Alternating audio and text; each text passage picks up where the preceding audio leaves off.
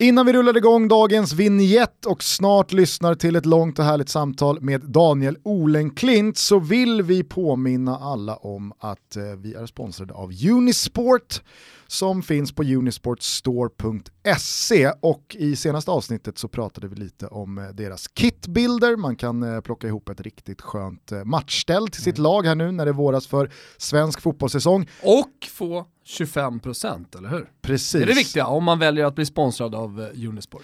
Men man kan ju inte lira boll utan ett par riktigt bra skor på mackorna. Nej, eller så här, det går ju att spela barfota, men det är inte lika roligt. Nej. Det gör lite ont. Det, det är en sak att vara nere på beachen och spela barfota. Men... Vad är det du brukar säga? Man ställer upp sig för arkebusering då? ja, lite grann så. Om man ger sig ut på banan barfota. Nej, men eh, i och med att det är ny säsong nu i antågande så har det också kommit en hel del nya skor också. Från de stora märkesdrakarna. Och i, i, idag, numera, vi är ju så pass gamla att eh, det, det, det fanns en tid när det här inte skedde. Nu finns det ju många sådana här specialskor som är designade för vissa spelare också, ah, ja. som är väldigt populära. Bland annat så har Neymar eh, tillsammans med Nike eh, kommit med en ny sko som heter Silencio. Ah, tystnad. Eh, det är hans signatursko mm. va? Det är ju åt Mercurial-hållet. Ah. Och då vet man ju att då är det Jogga Bonito det. som det luktar om de eh, skorna. Är du Mercurial Gusten? Eh, ja, ja fast jag gillade Nikes eh, Zoom Air eh, ja. skor som var lite innan Mercurial-dojorna. Men eh, nej, absolut, jag hade, jag hade blåa Mercurial när jag spelade i Spånga. Jag kör ju, körde själv Adidas va? Okej. Okay. Mm. Eh, det har faktiskt kommit eh, en eh, limited edition-lansering också från Adidas där Zinedine Zidane och David Beckham tillsammans har varit med och eh, designat. Är med. Eller hur? Det är skönt ja. att de två legendarerna fortfarande är med. Det är fan ett pjuck som jag ska gå in och kolla på. Eh, det här är remakes av de äldre Predator-skorna som man som ung kallade Predators. Exakt, Predators, stora gummigrejerna. Liksom, och i och med att det är Zizou och eh, Beck som har varit med och kladdat i de här ritningarna så kan man ju tänka sig att det är optimerade skor för tillslag på liggande boll när det ska skjutas frispark och så vidare. Så eh, Puma har kommit med ett Alter Reality Pack som eh, också är en limited edition. Så att ni hör ju själva, ge er in på unisportstore.se, scrolla runt bland alla nytillkomna superskor och eh, klicka hem ett par riktigt vasst par här nu när det är dags för säsong. Jajamän. Tack till Unisport för att ni är med och möjliggör Toto Balutto. Nu Kimpa, rulla vignett.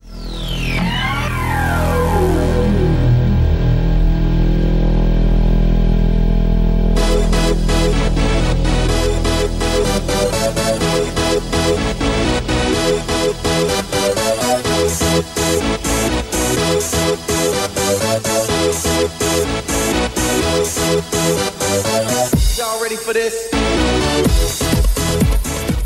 Varmt välkomna ska ni vara till Toto Balutto. Vi eh, har förhoppningsvis en väldigt trevlig stund framför oss. Jag och Thomas tycker i alla fall att det ska bli väldigt kul att eh, återigen prata med Daniel Olenklint som är tillbaka på sina gamla jaktmarker, nämligen Kungstensgatan i Vasastan. Eh, välkommen! Tack så mycket. Du har ju suttit ett par gånger i den här studion tidigare när du har gjort spelpoddar och sådär med Svanemar. Men äh, nu är du tillbaka för Toto Balutto, hur känns det? Ja det känns eh, jättekul. Jag är väldigt imponerad av den resan jag har gjort med den här podcasten så att det är en stor ära att få vara med. Hur känner du Thomas? Vi har ju redan, redan hört här innan inspelningen att Olen, Olen ser på er relation som att du du är hans lilla skyddsling ja. som aldrig skulle säga emot honom. Ja, nej, men jag tror när jag lärde känna Daniel back in the days eh, så, så det, blev det nog, när vi lärde känna varandra mer, så blev det lite storebror, lillebror känsla, i alla fall från min sida i, i relationen. Eh, och sen så har jag lärt mig väldigt mycket av Daniel också och då, då blir det väl så. Om man har haft någon som man har sett upp till och man har lärt sig mycket av så sitter den respekten kvar lite grann. Ja, jag hoppas att du kan bryta den lite grann för att eh, du är ju allt annat än lillebror idag. Du har ju haft en eh, stark utvecklingskurva, även om du var lite junior när du dök, dök upp här på kontoret. Ja, dock svag på spelen nu. Men det, det, kanske kommer tillbaka nu efter den här kvällen. Vad, vad känner du inför att eh, ditt, ditt kontor har gått i arv? Eh, jag känner ju en speciell känsla när jag kliver hit. Redan när jag går här på, på Kungstensgatan, jag bodde ju själv på Döbensgatan länge också. Det är ju Mina Hoods, en skåning som eh, fick spendera, tio eh, fantastiska år i fantastiska Stockholm och eh, jag trivdes väldigt bra i de här hoodsen och i synnerhet på det här kontoret. Vi har haft både spelmässiga framgångar och även haft mycket kul, mycket gemenskap. Vi kunde vara en 6-7 man som satt här på, på helgerna och eh, värmde upp med en 15-20 fotbollsmatcher innan vi gick vidare och eh, tog någon bättre middag inne i Stockholm. Så att eh, det är mycket positiva känslor när jag kliver in i lokalen igen. Eh, vi kan väl eh, bara innan vi drar igång faktarutan och eh, lär känna Daniel lite bättre, bara kort meddela att det här spelas in mitt emellan de sista fyra åttondelsfinalerna i Champions League, således har Juventus vänt mot Atletico Madrid, Manchester City slaktade i planingen lite Schalke, eh, där fick vi rätt borta hos Betsson. Det var enkla över 7,5 gjorda mål för Citys del. Eh, och så, så vet vi då inte hur det går ikväll då, då mellan Bayern München och Liverpool och Barcelona. Men det kan vi ta vad det lider i, i uh, nästkommande Aj. avsnitt eller sådär. Så. Ni, får helt enkelt, uh, ni får helt enkelt köpa uh, den här tidsfristen. Ehm, som sagt, många som lyssnar på det här vet säkert garanterat vem Olen eller Olenklint eller Daniel är. Många gör det säkert inte. Därför, fullständigt namn. Daniel Stefan Olenklint. Ålder? 44. Har du någon åldersnoja? Lite. Hur, eh, hur tar sig den ut? Eller ganska mycket. Nej men herregud, det går fort alltså. Jag känner mig som, som 30 fortfarande men eh, det är bara att kolla på passet och kolla på hårfästet och kolla på hårfärgen. Att det, det är svårt att, eh, svårt att trotsa det som sker i den här åldern. Men det är eh, bara till hugga i och skaffa gymkort så att eh, vi ska nog kunna komma upp på banan igen. Var är hemma för dig? Hemma är eh, Skåne. Dit du flyttade tillbaka också för några år sedan? Ja. Saknar du Stockholm? Det gör jag jättemycket. I synnerhet på vinterhalvåret. Uh, att bo i en stad, ha tillgång till restauranger, socialt umgänge. Uh, den tråkiga, mörka perioden tycker jag är, är jätteskön. Däremot från maj till september då trivs jag bättre i Skåne där jag bor eh, ganska nära havet och kan utnyttja naturen på ett annat sätt. Jag vet ju att eh, ni eh, flyttade hemåt eh, lite med tanke på era eh, barns ålder och att det ska vara skola och sådär. Ser du eh, dig komma tillbaka till Stockholm när de har vuxit upp eller? Ah, det är nog favorit på att jag inte flyttar tillbaka men jag och min fru vi hade en eh, plan redan när vi flyttade till Stockholm att den dagen barnen börjar skola då tar vi oss ner till Skåne igen. Så att det var ganska skönt mentalt beslut att slippa behöva vända det fram och tillbaka, ska vi tillbaka eller ej? Utan vi hade en plan att när det väl är skoldags så, så tror vi att våra barn har bättre förutsättningar i Skåne. Så att det var ett eh, enkelt beslut men ändå ett jobbigt beslut med tanke på att jag gillade Stockholm så pass mycket. Vilka språk behärskar du förutom skånskan? Eh, skånska, svenska, lite polska. Jag är halvpolack, min mamma är född i Polen. Engelska och tyska. Tyskan visste jag inte om. Nej, så är det. ja men du kanske gjorde det? Uh, ja, alltså, jag vet inte hur bra uh, olyckligt pratar tyska. Ja, men jag, alltså, via jobbet sådär. Ja, så. Jag pluggade ju var det, sex år i skolan och sen fick jag ju praktikjobb på ett uh, medicinteknikbolag när jag var 21-22 i Tyskland. Problemet är att de hade en dialekt där nere som heter Schwäbisch. Så jag förstod inte ett ord. Så jag funderar på mina sex uh, år i skolan med tyskan var bortkastade. Men successivt så kunde jag förstå den här dialekten. Så att, uh, ja, hygglig tyska har jag fortfarande. Italienska? Ja, mycket uh, lite. Min syster bor i sig i Florens sen många år tillbaka. Men nej, det är väldigt få fraser jag kan på italienska. Vilket eller vilka lag håller du på? Jag håller på Malmö FF och eh, sen håller jag på det lag där jag har eh, investerat eh, mina kronor på. Jag eh, lever ju på det här med spel så att jag kan inte ha för mycket hjärta med de här lagen utan måste tänka lite mer hjärna. Ehm, men okej, okay, får, jag, får jag erkänna en liten sak då så måste jag säga att jag är, jag är fascinerad av, av det Klopp har gjort och gör med Liverpool.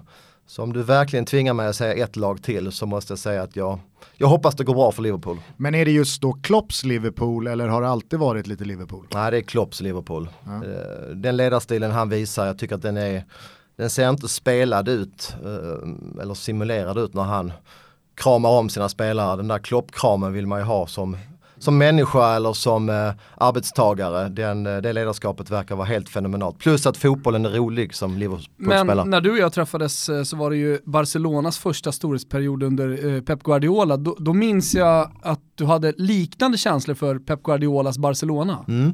Det kanske man kan summera med att... Du vann i och för sig mycket pengar på Barca också. Ja, kanske man kanske kan summera att, att jag inte håller på, på klubbar utan lite mer på lag. Att jag kan identifiera mig med en generation. Eh, det som Barca visade upp, den höjden de hade under Iniesta, Xavi och, och Messis period. Det var också något som fängslade mig. Den typen av fotbollen triggades jag av, en snabb passningsfotboll och det är väl det vi ser i Liverpool idag också. Det är väl ingen eh, överdrift att säga att det, det, kanske inte var nära att MFF pensionerade ditt eh, tröjnummer, men du har ju spelat fotboll i MFF också, berätta. Ja det stämmer, jag var faktiskt rätt så skaplig på fotboll och blev värvad av Malmö när jag var 14 år gammal och eh, spelade där till jag var 18. Jag var med, var med till sista gallringen innan A-laget. Vilka, vilka namn eh, känner man igen från dina årskullar? De som gick vidare från den, eh, det juniorlaget det var ju Jörgen Pettersson, eh, Joakim Persson och Mattias Tylander. Så det, var, det var ganska tuff konkurrens. Fylletylle? Fylletylle ja. Mm. Han var, på tal om Fylletylle, en kort parentes där. Han, på den tiden började man ju upptäcka det här med att dricka lite bärs på helgerna när man var 17-18 och då kom man ju lite sömnigt till träningen där på måndagar. Och en gång kom jag lite sömnigt till träningen en måndag. Och då kom Tylle joggandes. Vad fan har du gjort? sa du? Jag var ute och tog några bärs i helgen så jag tänkte jag måste springa av mig bärsen innan träningen. Så han levde ju mycket på att han var extremt seriös. Han var ju inte en större bolltalang än någon av oss andra utan snarare väldigt eh, seriös och hade ju en god, bättre fysik än oss andra. Som Martin Åslund brukar säga, också en talang. Absolut. Jag vill ju tro att eh, min ålder gör att jag lite missade Jörgen Petterssons prime och så här i efterhand så kan jag tycka att är inte Jörgen Pettersson lite bortglömd i liksom historieskrivningen av eh, vilka stora svenska anfallare vi hade. Var inte han jävligt bra? Han var jäkligt bra. Fråga den tyska publiken, han hade några fantastiska år i Tyskland. Lyfte väl aldrig riktigt i landslaget. Uh, en parentes med Jörgen var att han hade en extremt sen och snabb utveckling. Som 15-16-åring fullständigt medioker. Men hade en utvecklingskurva efter att han blev 16 som var, han skenade.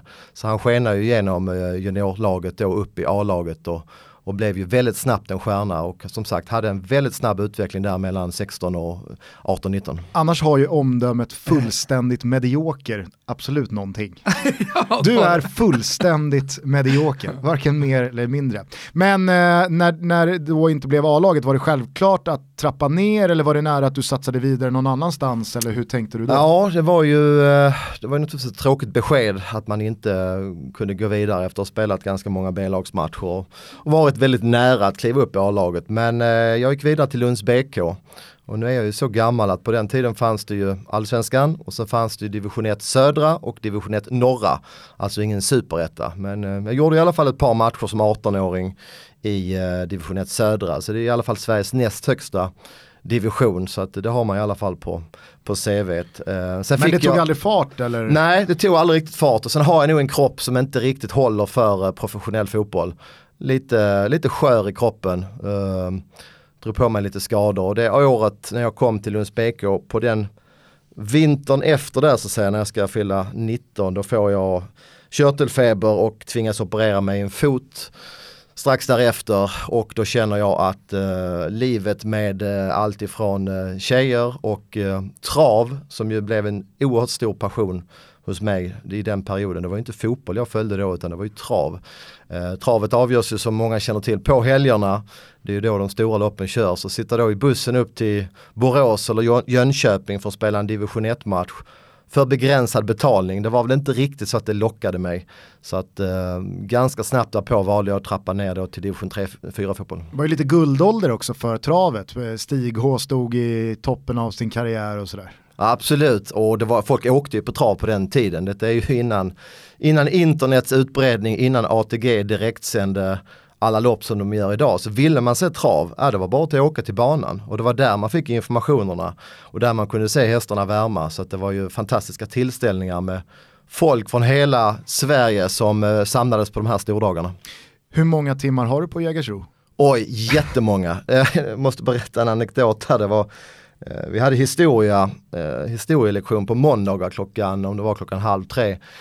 Eh, jag låg på en fyra, på den tiden var betygen 1 till 5 där 5 var högst. Jag låg på en fyra, en stark fyra, nästan en på en femma på historia.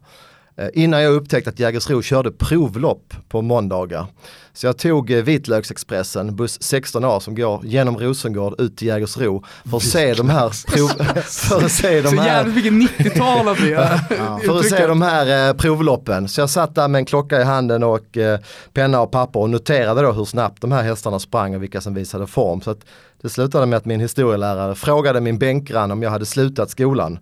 Eh, då kan man ju säga att det här travintresset var på gränsen till, till osunt.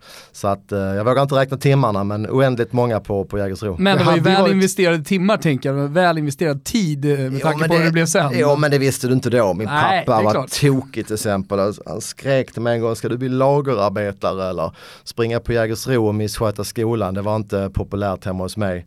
Men jag hade, jag har nog alltid haft den drivkraften att om jag är intresserad av någonting, om jag känner själsligt engagemang i någonting, då kan jag lägga jäkligt mycket tid på den uppgiften och på, den, på det området. Jag har lite svårt ibland att göra saker jag tycker är, är tråkigt, men eh, kan däremot komma upp på en väldigt hög arbetsnivå när det gäller saker jag är engagerad av. Och för mig var ju travet det jag var engagerad av. Jag vill bara ge en liten shout-out till alla lagerarbetare där ute. Alltså, a working class hero is something to be. Va? Skriver under på den. Men Absolut. eh, jag tänker också att anekdoten hade ju lyft till 5 plus ifall det hade slutat med att historieläraren var travnörd som då tog dina eh, klockningar och Just gav det. dig en femma. ja, det hade För varit att du gav twist. honom insides till helgen. Eh, men bara en kort fråga där på Malmö FF. Har du ibland problem med att spela emot Malmö eller kan du liksom skilja på hjärta och hjärna där också? Drar du dig för att gå emot Ja, MFF? och skulle det vara tre omgångar kvar, Malmö måste vinna, annars vinner AIK. Då, då kan den känslan komma in. Men det, det måste till det extremfallet att Malmö verkligen behöver poängen. Och i synnerhet att AIK då kommer ikapp. I synnerhet efter Sebastian Larssons prestation här förra, förra gången vi möttes. Den, den, den är inte lätt att förlåta. Eh, på det temat bara, jag är nyfiken. Eh, jag vet inte om du gjorde det, men hade du haft några problem med att eh, ta Englandssidan mot Sverige i en VM-kvartsfinal? Ja, så illa är det nog att jag hade inte haft det. Nej. Eh, Jag gillar ju vårt kära landslag och jag gillar ju verkligen Sverige. Ordet nationalist tycker jag kan eh, användas väldigt negativt i många sammanhang men jag, jag tror ändå på att vi, vi mår bäst av att vi har eh, en nationstillhörighet och jag älskar landslaget och jag hedrar de som åker ner och hejar på svenska landslaget men jag kan nog, jag kan absolut spela emot Sverige om det är så att jag tycker att det är spelvärde på andra sidan, det måste jag säga. Följdfråga då, hade du pengar på England? Ja. Och jublar du då när Dele Alli gör 1-0? Eh, ja men lite tyst för jag satt med några kompisar så att det var, man fick bita sig lite i tungan. Hur är du där? Ja, nej, jag är fortfarande, jag har inte Har du tagit pengar på liksom lag mot Fio? Och Absolut. jublat Ja, inte minst när jag suttit med Daniel Olenklint eh, i det här kontoret, och, eller på det här kontoret eh, och, och eh, jag har haft information som har liksom, ja, varit till fördel då för laget som Fiorentina möter. Så då har man ju suttit eh, emot eh, Fio. Samtidigt så var det en period när jag hade flyttat hem från Florens eh, och där, låt säga, för mig är det så i alla fall att eh, supporterskapet svalnar lite när man inte är på plats.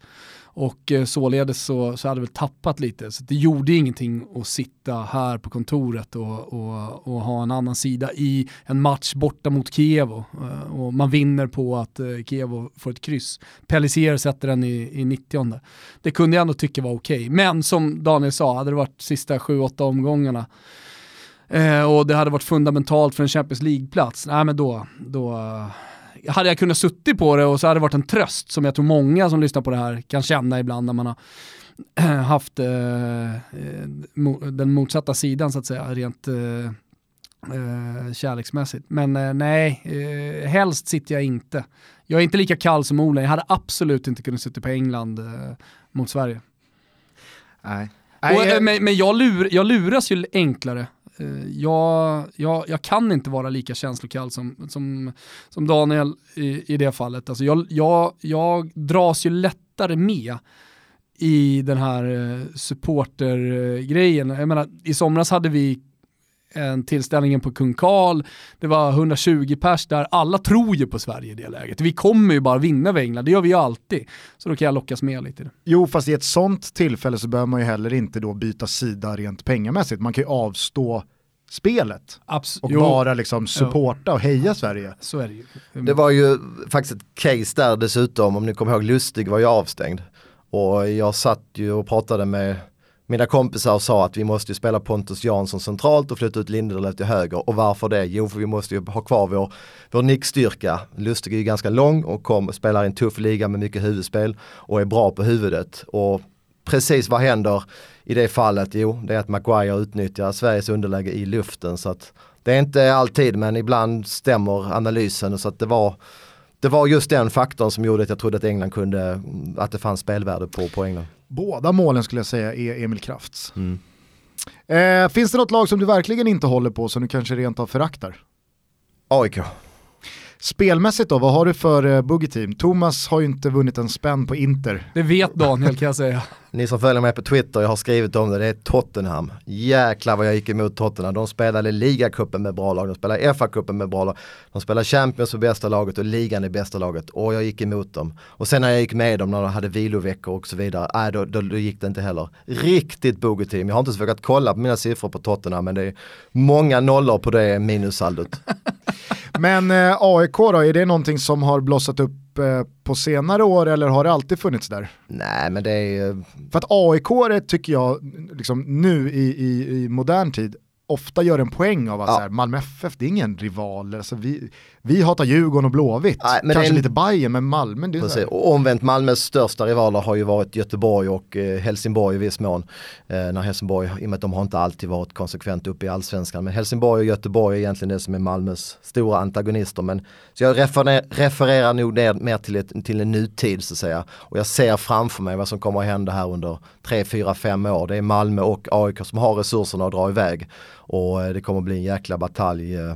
jag tror Malmö och AIK gör upp om guldet i år. Norrköping i all ära men det, det, är, det är AIK som slår för Malmö i år.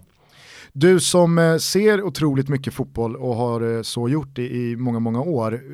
Lägger du någon värdering i hur lag spelar? Så jag tänker på det du sa då att du, du hade en eh, positiv känsla inför Peps Barca, nu gillar du Klopps Liverpool. Kan det vändas åt andra hållet med dödgrävargängen? Mm, absolut, Mourinho har ju har jag ju haft, varit antagonist till under ganska många år. Samtidigt som jag kunde fascineras av det han gjorde i Chelsea när han kom 2003-2004. Eh, jag bodde själv i London under den perioden och eh, det försvaret med Makelele som en sittande mittfältare typ en meter framför mittbackarna. Det fanns, inte, det fanns inga ytor mellan eh, den mittfältaren och den backlinjen. Det vill säga den ytan de flesta lagen vill hitta på offensiv tredjedel. Det var lika fascinerande som jag tyckte att det var. Lika tröttsamt tyckte jag det var att han spelade den defensiva fotbollen som han gjorde nu i, i United egentligen hela tiden med tanke på, på de resurser och de offensiva spelarna hade. Tänk att eh, uh, Olen Klint också hittar Claude Makelele. Kommer in igen i podden, vi pratade om honom för några, några veckor sedan. Makelele-rollen för mig det är ju ett uttryck just för den där sittande. Det, är... det var precis det vi pratade om. eh, så att AIK och eh, Mourinhos lag på senare år. Skulle Mourinho träna AIK så skulle det inte vara mitt favoritgäng, nej. Nej, det, det förstår jag. Eh, favoritspelare genom alla tider? Leo Messi. Det är ändå intressant när vi har eh, en som är 44 ändå, när vi har haft eh, gäster 40 plus här, eh, så mig inkluderad, så är ofta har man ofta gått tillbaka då till typ van Basten, eh, Maradona, Sicko eller vad det nu kan vara, 80-talslirare, tidiga 90-talsspelare, till och med eh, spelare från 70-talet, eh, Cruyff och så vidare. Men, men Messi håller du ja, favorit? Kanske tråkigt svar, kanske mainstream, men det han har gjort under så pass lång tid och kommer fortsätta göra under minst två, tre år till, det är helt hur, hur ser jag, du på... Jag vill bara säga det att jag skrev äh, idag, onsdag, alltså dagen efter Juventus avancemang mot Atletico Madrid, att eh, för varje sinnesrubbad och utomjordisk insats av Cristiano Ronaldo, likt den igår, blir det bara ännu mer svårt att ta in att Lionel Messi faktiskt är bättre. Mm, så är det. Fan vad nöjd du är med den tweeten. Jo men alltså så här, jag, jag, jag har alltid i många, många år haft svårt att särskilja dem för att jag kan tycka att så här, jo men Ronaldos siffror, hans titlar, hans eh, driv att... Förmåga att, att avgöra stora matcher. Ja, alltså att det, det, det går ju inte att blunda Så för. Problem, han, har, dess, han har dessutom med... tagit ett likvärdigt eh, landslag eh, och, och burit dem till en titel, något som Messi inte har gjort och så vidare. Men jag har också på senare år, inte minst här nu under det senaste året tillsammans med Ola Lidmark Eriksson när han har liksom i då fotbollslabbet med alla de analysverktyg som de har, som man kan tycka vad man vill om, men han säger att det, det går inte att med ord förklara på vilken egen nivå Messi är rent fotbollsmässigt. Nej, så är det. Ska nu tala emot mig själv och förstärka den tesen med Ronaldo så tycker jag det är en sak till som är intressant med Ronaldo. Det är att han slår igenom som en snabb, irrationell teknisk ytter. Och han är det under många säsonger. Sen upptäcker han att han börjar tappa lite fart, hans muskler är inte riktigt lika explosiva. Ja, då börjar han bygga upp sig lite mer, bli ännu starkare i kroppen och kliver in centralt och blir liksom världens bästa avslutare. Så att ingen offens till Ronaldo men den bredden Leo Messi har med, med den eh, ja, jag kan inte ens sätta ord på det, men det Leo Messi har gjort under så pass lång tid, det, det står högre för mig. Problemet eh, som jag tycker eh, blir, eller svårigheten eh, att jämföra om man nu ska komma fram till vem som faktiskt var bäst av dem när de summerar karriärerna, det är att de, har haft olika, att de är två olika spelartyper. Eh, och precis som du säger här nu, nu har han blivit mer av en target eller mer av en nia eh, och, och en målskytt eh, det, det, går ju aldrig riktigt att jämföra en anfallare med en back till exempel. Eh, Cannavaro vann Guldbollen 2006, var han världens bästa spelare eh, då? Eh, och det, det, är det enda jag menar, alltså jag, jag landar ofta i att fotboll handlar om en sak och en sak bara och det är att vinna titlar på den nivån. Champions League, ja, seniornivå egentligen skulle man kunna uh, säga. Och uh, där har Ronaldo de senaste åren varit bättre. Så om när, när jag skrev en krönika för eh, åtta månader sedan eh, och tyckte att Ronaldo, liksom, här och nu så är han världens bästa fotbollsspelare. För han vinner de stora matcherna. Det gör inte Messi. Fast Messi då, har väl å andra sidan under samma period då alla ligatitlar som Real Madrid och Ronaldo ja. inte tog. Ja. Så jag tror att antalet titlar trumfar verkligen ja, Ronaldo men jag pratar, om de, jag, pratar, jag pratar om de stora matcherna, att vinna de stora matcherna, kvartsfinaler, semifinaler, Champions League. Det Ronaldo gör för Juventus mot uh, Atletico Madrid, han, han, han kliver ändå in och, och, gör tre mål och tar Juventus vidare. Även om det är en otroligt stark laginsats så är det väldigt mycket Cristiano Ronaldo som ändå blir eh, liksom avgörande. Och att, och att, vara en avgörande spelare i de stora matcherna, han, han för eh, ett Portugal som visserligen är bra, men eh, inte så bra så att de ska gå hela vägen och vinna ett, eh, ett EM-guld egentligen om man kollar bara på pappret. Alltså, de, de åren som har varit och det Ronaldo har gjort i de stora matcherna, eh, tycker jag talar för att Ronaldo har varit en bättre spelare. Jag förstår att han vinner guldbollar också. Sen ska vi summera karriärer. Ja, då vi får väl se när båda karriärerna, karriärerna är, är över, tycker jag. Ja, jag, jag eh, köper, är, jag köper varenda ord du säger och jag tycker också att förhållningssättet du har eh, när det ska mätas i siffror och titlar, visst det är ett förhållningssätt att ha, kan, men, men så här, vrider man samtidigt på det så är ju att vara en bra fotbollsspelare, vad man lägger i den eh, beskrivningen bestämmer man ju också själv och när det kommer till Messi och Ronaldo så är det också så här, allt som inte går att sätta svart på vitt siffror på är ju också att vara en fotbollsspelare och där är ju Messi han är, han är en han mer är fascinerande spelare att titta liksom. på, snabb, eh, jag menar han, eh, han, har egentligen allting offensivt och han kan göra det på egen hand. Eh, men jag tycker också att han viker ner sig, eller han är inte riktigt så bra eh, som man kan vara i de stora matcherna. Även om man är bäst för Argentina och tar dem till en final, även om det är han som drar Barca ofta i matcherna, även om Barca förlorar, så, så har han inte riktigt den spetsen i de största matcherna. Det är mitt enda lilla problem. Sen tror jag att när jag summerar deras karriärer kommer också hålla Messi högre.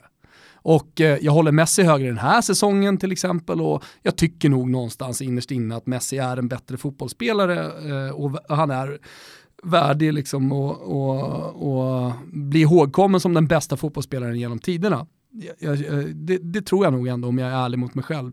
Men eh, om jag bara kollar på de senaste åren så tycker jag att eh, Ronaldo har varit större i de stora matcherna. Nej men jag, jag köper det resonemanget eh, med ledarskapsfaktorerna, eh, ja.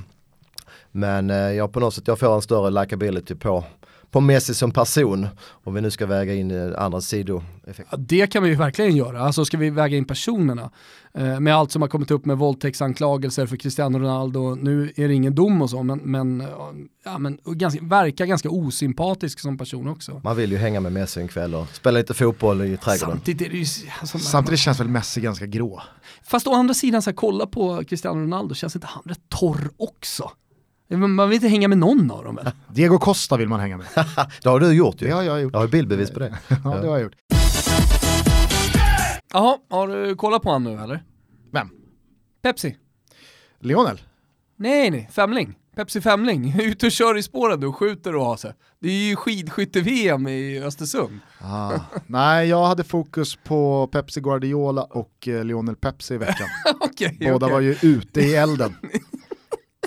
Ja, ja. ja. Nej, nej, fan, jag, jag gillar skidskyttet va, stav till stav, 25 sekunder och så vidare. Alltså där, och Pepsi Femling har ju liksom ändå någonting på gång. Nu, nu vankas det, nu vankas det här stafett Gusten. Då, det kan ju inte ens du eh, missa när Pepsi är ute och, och, och, och, ska köra? Ja, jag får väl eh, helt enkelt skruva av korken på en Pepsi Max och eh, slå på tvn. Det händer också en hel del i hashtaggen TuttoPepsi. Vad är det som händer där? Nej men det är, det är väldigt enkelt, man ska eh, skicka in en bild eh, på sig själv när man då förslagsvis dricker en Pepsi och sen så hashtaggar man TotoPepsi. Då är man med och tävlar, bland annat om matchbiljetter och hotell i Madrid när Champions League-finalen går av stapeln den 1 juni på Vanda Metropolitana. Och det som händer i den här hashtaggen är att det rullar in bilder, eh, jäkligt kreativa sådana också. Ja, det, det, tycker vi är kul. Den. Så att eh, missa inte chansen att vara med och tävla om eh, de här fina priserna. Det finns ju en signerad matchtröja av eh, Pepsi och en årsförbrukning av Messi Max också då. Så att, eh, Fan om man kunde få en stav av Pepsi Femling, ska vi kolla på det eller? Kanske. Fan det hade ju varit magiskt ju. Skicka in era bilder innan den sista april i alla fall, för det är då tävlingen stänger. Vi säger stort tack till Pepsi för att ni är med och möjliggör Tutto Balutto. En spelare som du aldrig riktigt gillat? Oj, eh, borde jag ha tänkt ut lite grann innan. Sebastian Larsson. Det kan komma också, du ska på någon, eh, någon ytterligare. Det blir liksom lite närminne när man ja, får en fråga man så... inte har funderat på. Men Sebastian Larsson hade jag kunnat säga kanske även om jag hade funderat. Hans gestikulerande mot domarna måste ju vara en egenskap som få andra besitter. Han tål ju inte ens ett felaktigt inkast emot, eller ett korrekt inkast emot sig för att han ska gestikulera. Men är inte Sebastian Larsson också den här spelartypen som man brukar prata om man vill ha i laget, eh, men eh, man, man, vill inte ha honom mot sig och då blir de här gesterna ännu starkare. Man kan ju vända på det och ta Marcus Rosenberg då till exempel. Eh, han har ju sina grejer för sig på planen och så vidare och svårt för eh, rivaliserande vad, vad supportrar att gilla. Intressen utanför fotboll? Eh, trav, min familj, fiske. Men, alltså det, äh, vänta, vänta, vänta, vänta, vänta. fiske, är, är det, det, det, måste vara något nytt? Ja det var en stor grej när jag var liten. Uh, vi fiskade mycket. Uh, både i havet då, i och med att jag har alltid bott nära havet och åker ut och fiskar torsk i, på Öresund, det tycker jag är fantastiskt. Det har tyvärr tappat det lite grann senaste åren men den här sommaren då jäklar ska jag ta upp det igen och hoppas kunna ta med mina barn också som börjar komma upp i en ålder där man kan hantera ett fiskespö. Tips då till dig och till alla som lyssnar, jiggar.nu, det är min kusin som driver den. Oj, oj, oj. Björn Boström. Ja. Jiggar, jiggar.nu, gör egna jiggar och så vidare. Och det funkar även faktiskt på saltvattensfiske i havet så att uh, det ska vi, ska vi kolla upp. Härligt. Men eh, jag är bara eh, lite nyfiken där kring, kring travet. Eh, det, det vart väl ganska tidigt också en del av ditt jobb? Ja, det Efter stämmer. den där fotbollskarriären avslutades. Just det, eh, det stämmer. Jag hade ju eh, man kan säga så att jag hade ju ingen i familjen som egentligen var travintresserad utan det var ju snarare tvärtom att det var lite skällsord att hänga på Jägersro men jag fick ju lära mig egentligen själv ganska snabbt genom att vara på Jägersro och vid olika möten med människor som hade varit där oftare och hade mer kunskap så fick jag ju lära mig den, den långa vägen. Jag skulle vilja påstå att 9 av 10 eller 99 av 100 har ju då en förälder eller släkting som är travintresserad och man liksom slussas in i det här och får lära sig. Men jag fick verkligen lära mig den, den hårda och långa vägen. Eh, men det ledde ju till att jag jobbade ju, jag minns när jag pluggade i Lund, jag pluggade ekonomi i Lund, då hade jag Eh, tre extrajobb. Jag jobbade för dansk tv som direktsände travet från Jägersro, där var jag expertkommentator. Jag skickade konsultodds till Unibet på travloppen då på Jägersro. Jag jobbade för, för ett eh, analysbolag, ett av de mest ansedda som skickade sista minuten tips då som folk köpte dyrt. Så jag kunde liksom plugga, lägga mina timmar och plugga inför en Jägersro-omgång och sen fakturera tre olika arbetsgivare. Samtidigt som jag var en citationstecken fattig student. Så jag hade ju en ganska bra studentperiod även ekonomiskt då att jag kunde liksom fakturera eller leva på, eller tjäna pengar på att jobba med travet. Du behövde inte gå på Värmlands nation och köpa bärs för 10 spänn, du kunde ändå gå på Ja det har du faktiskt rätt i, men det var jäkligt kul på Värmlands nation så att jag, jag hamnade där ändå. Värmlands min favoritnation i Lund. Ja, jag gillade mest Göteborgs. Okej, okay, Göteborgs onsdagar för mig när jag ja, pluggade i Lund. Tänk om vi har eh, varit på, ja du är lite yngre. Många, många... Fast ändå, jag var där, eh, när var jag där? 2000? Mm, ja, detta är Nej vad sjukt. Ja detta är nästan, ja det är stort sett 2000 så Ja du ser, och så på Mal Malmös nation torsdagar. Ja just det. Men eh, bara yrkeskarriärmässigt då, är det, är det här någonstans du eh, kommer i kontakt med Anders Ström eller?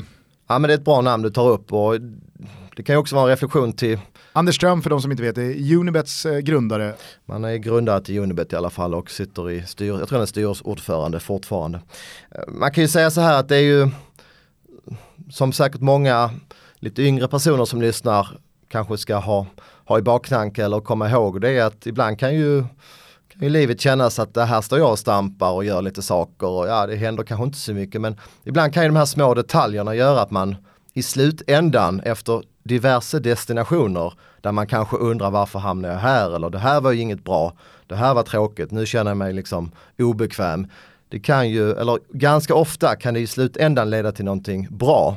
Att det kanske finns en mening med att man hamnar på ett ställe som sedan leder till någonting annat. Och det var väl lite grann med, med Anders Ström, för det är egentligen av en slump som vi träffar varandra. Jag skriver eh, om trav på ett eh, nätforum. Detta är alltså i internets begynnelse. Eh, Anders är ju en vaken person, han snappar upp att jag har koll på det jag skriver om, anställer mig på hans eh, travbolag som han hade på den tiden och det är så vår kontakt inleds och det är också det som gör att han ringer mig år 2003 när jag eh, får jobb på, på Unibet i London och det förändrar ju mitt liv för, för alltid. Jag hade ju inte varit den person jag är idag om inte Anders hade ringt mig där eh, 2003. En person utanför fotbollen som du ser upp till av olika anledningar? Uh, oj, oj, oj. Vem är det? Det finns många, kanske ingen jag vill namnge utan jag tycker att olika faser i livet har det funnits olika personer som antingen har stöttat eller utmanat mig. Så jag vill faktiskt inte nämna någon före någon annan. Ingen nämnd, ingen glömd. Korrekt. är ju en klassisk sarg ut. eh, din fetaste fotbollsupplevelse någonsin? Ja du, det var nog när jag stod i kurvan när Milan tog emot eh, Deportivo La Coruña i Champions League. Kan det vara 2005? Mm, fyra tror jag. Fyra kanske ja. Bodde i London då och flög ner med någon billig EasyJet. Eh. Fina de var då, Deportivo. Ja, när de vänder på Valeron och... Men jag stod bakom kurvan där och fick känna det trycket när liksom hela kurvan bara flyger fram mot staketet. Eh, Milan vinner ju där 4-1 hemma. Returen ska vi inte prata om. Jag höll lite grann på Milan under den perioden, förlorar 4-0 för de som inte kommer ihåg. På vilken arena då? San Siro. Yes. Nej, Riazor. Jaha, förlåt, jag var kvar i... Nej, men jag, jag, såg eh, hela den här vågen ner mot eh, staketet som jag tycker var en stor del av eh, underhållningen man kollar på tv och det blev mål i Italien. Och man såg liksom, det bara oh, kom en våg ner mot staketet och jag tänkte alltid på de som stod längst ner. Hur eh, frekvent skulle du annars säga att du har varit senaste 15 åren på att se mm, matcher live? Eh, väldigt frekvent om du backar bandet 10 15 år. Eh, mindre frekvent de senaste 10 åren. Men hur kunde det ta sig uttryck då? då? Var det 20, 30, 40 matcher per säsong? Eller? Ja det var det. Jag har nog, ja jag har sett, eh, vill påstå sett alla de stora derbyna i Europa till exempel och varit nere i Sevilla till exempel och upplevt Sevillas hemma. Jag var, jag var väldigt in, intresserad och fascinerad av fanskultur när jag var lite yngre. Har du något favoritland att gå på fotboll i? Ja, det är Italien. Alltså det, är någon, det stör mig lite att uh, din syster, som jag också lärde känna innan jag lärde känna dig faktiskt. Uh, Inga detaljer där tack. Nej men, ja, uh, vi, vi, vi, hängde mycket på Blob i Florens på den tiden. En liten svart klubb.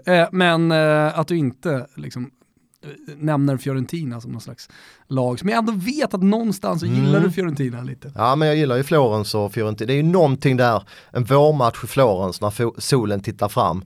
Uh, sen tycker jag kanske inte att fanskulturen just i Florens, nu kanske, oh, nu får jag under ögat här men nej skämt åsido, men jag tycker att det är en fetare stämning på ett San Siro-derby 2045 en, en söndagkväll. Uh, så det har triggat mig lite mer. Eh, vem från fotbollsvärlden hade du helst velat dela en flaska vin med? Diego Costa. Fy fan, det var så, jag, jag, måste, jag tror inte jag har berättat det någon gång i Toto Balutto. Ja, det var ett avsnitt. Ja, nej men eh, vi var ju nere, jag och en eh, dåvarande medarbetare på produktionsbolaget Dobb, Nors, eh, och gjorde då Eurotalk-spelarna där vi träffade Daniel Larsson när han spelade i Valladolid. Matchen som eh, vi hängde upp hela programmet var då eh, Atletico Madrid borta. Så att vi bodde i Madrid och sen så gick vi ut efter matchen och så eh, hände det eh, sig så att vi eh, hamnade på samma nattklubb som Diego Costa med Entourage. För i Valladolid eh, så eh, spelade då eh, anfallaren, vad fan hette han nu då? Manuccio, som var, han var väl inte liksom, kanonbra, men en gång i tiden hade han spelat i Manchester United och det kom han långt på i alla fall ekonomiskt i sitt kontrakt och han var ju då den, den, stora playern i laget. Så att han och Diego Costa sammanstrålade, vi hakade på, hamnade på samma inneställe. Och det var ju liksom vipp, vipp, vipp, hörnan längst in. Och det var bara kristallflarror och eh, Grey Goose. Och, och så kommer ju då, så kommer notan in. Och så hamnar den hos mig och Nors. och den var på 80, 82 000 euro. Och vi känner bara så nu, nu är livet över vi, vi kan, det här går inte. Eh, men så, ja, de lät väl oss svettas där ett tag. Sen så kom Diego Costa och bara garvade och typ rev notan. Och sen gick vi därifrån. Det var väldigt roligt. Eh, mäktigaste numret som du har i din telefonbok? Mats Sundin. Travmässigt då kan jag tänka mig att ni har en del att utbyta. Och han hamnar före också Glenn Strömberg. Ja just det, eh, precis. Ja, nej, Mats jag eh, gillar ju båda trav eh, som vi har pratat om och vi hade ju våra hästar hos uh, Stefan Hultman som var en av Sveriges uh, mest framgångsrika tränare. Tyvärr blev han sjuk och har pensionerat sig som tränare. Han är ju uh, ATG-kommentator idag, eller expertkommentator. Men, vi hade ju också våra kusar ute på Menhammar. Ja, det, det jag blev uppringd av en tidning, jag blev uppringd av travronden där och de ville fråga vad som hände med våra hästar. Och Nej, jag eh, förstod inte förrän efter ett tag att de hade snappat upp den här nyheten via just Tutto Balutto. Så jag var nog lite tvär i den eh, diskussionen. Han ville ju bara väl och skriva om en citationstecken rolig historia, men det var ju allt annat än roligt. Men med ditt eh, travöga, trodde du mer på up and down quadrado eller trodde du mer på Unica? jag trodde mer på Unica. Unica var en jättefin häst. Oerhört fin exteriör på henne. Hon tränade, ja det var inte många som tränade bättre än henne. Uh, i den Hultman var helt lyrisk. I den årskullen och när de ringer och säger att hon har fått en penicillinchock. Jag visste inte ens att det fanns på hästar. Uh, nej fy fasiken, det var tungt. May them rest in peace. Är du tatuerad? Nej. Har du någon gång funderat? Nej. Är det så? Tydliga svar här. Du verkar förvånad. Uh, Ola Wenström-nivå på tydligheten. Trycka, tryck, trycka bly in i kroppen, det, det undviker jag gärna. Snyggaste fotbollströjan genom tiderna? Argentinas. En match som du skulle vilja se men som du ännu inte har sett. Old Firm. 30 mars, ska du med? Om två veckor. Nästa år, då kommer jag. Ja. Sista frågan då, om du inte får svara Messi eller Ronaldo, vem är världens idag bästa fotbollsspelare? Eden Hazard. Team Hazard alltså? Ja. Jag är ju en eh, stor försvarare av Hazard också. Ja, att, han, att han ska nämnas Får man försvara honom mycket? Eller? Jo men det tycker jag ändå. Jag tycker många ändå har börjat räkna bort honom. Är det någon här, här som inte är Team Hazard eller? Nej, men alltså vem är världens bästa fotbollsspelare efter eh, Ronaldo och Messi? Där finns ju en uh, Kylian Mbappé. Om jag nu får liksom agera våra lyssnares röst eh, så tror jag att det är många som skulle svara Mbappé, Neymar skadad just nu, hade jättefin säsong innan, eh, skulle man också kunna nämna. Det finns ju några. Får jag ställa frågan om, har Mbappé pikat? Eh, jag, jag är ju lite rädd för det. Att eh, det kanske inte blir så mycket mer av eh, Mbappé. Snabbheten, explosiviteten, absolut det kommer ta honom, eller det har tagit honom långt, men frågan är var han, eh, liksom, var, var han står eh, eh, i de stora matcherna till exempel. Kommer han vara den här spelaren som verkligen avgör för eh, sina lag så att de vinner stora titlar? Jag är tveksam i alla fall. Jag tror inte han har pikat. Jag tror att han har många, många år kvar på, på, på toppen. Ja, men han kommer ju ja, vara på alltså toppen. Den här nivån kommer han hålla sig på toppen, men ska han kunna vara den som tar steget efter att 33 och 34-årige eh, Messi och eh, Ronaldo klingar av här efterhand. Eh, jag trodde det för ett eller två år sedan men jag börjar fundera lite grann i de banorna. Jag tycker att han är så fysiskt utvecklad redan och har inte riktigt den tekniken, naturliga tekniken. Han är mer en friidrottare för mig. Men som du säger, det är klart att håller han den här nivån så kommer han ju att vara topp 5 i världen i många säsonger framåt. Och jag har varit, det vet ni som följer med på Twitter, en oerhört stor beundrare av Mbappé, så missförstå mig inte. Men jag undrar om utvecklingskurvan är speciellt eh, brant framöver. På tal bara om eh, Eden Hazard, eh, i dagarna här precis efter att vi släppte vårt eh, senaste avsnitt så meddelade ju då Real Madrid att Zinedine Zidane kommer tillbaka Eh, det är väl inte någon eh, raketforskning att tro att det kommer hända en hel del grejer på transfermarknaden i sommar med riktning in mot den spanska huvudstaden. Ser du Eden Hazard vara en av de här spelarna som Real Madrid eh, plockar och närmar sig eller ser du honom vara kvar i Chelsea? Absolut någon som Real Madrid kommer att närma sig. Jag tror även att Eden, han är 28 år idag om jag inte har fel, det är en perfekt ålder nu att han måste han måste ta ett kliv till, eh, eller bör ta ett kliv till tycker jag.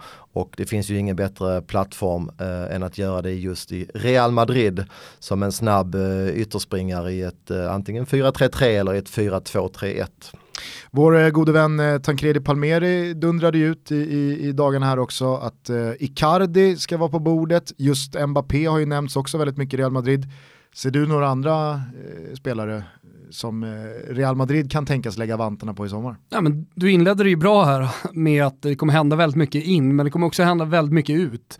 Eh, Bale, jag har svårt att se att Benzema ska fortsätta vara någon slags bärande offensiv spelare. Eh, jag har varit team Benzema länge. Han, eh, det var faktiskt Daniel som eh, fick upp ögonen för arbetet ehm, Benzema gjorde åt Ronaldo. Nu har han ju pratat om det själv, att han, fick, han fick göra just ett stort arbete för att Ronaldo skulle vara mer fri. jag kommer ihåg vi, vi satt här flera gånger när, när du uppmärksammade just det. Kolla vilka löpningar han tar och sådär. Det är lätt att man stirrar sig blind på, speciellt när det gäller en anfallare, på statistiken, hur många assist gör han, hur många mål gör han.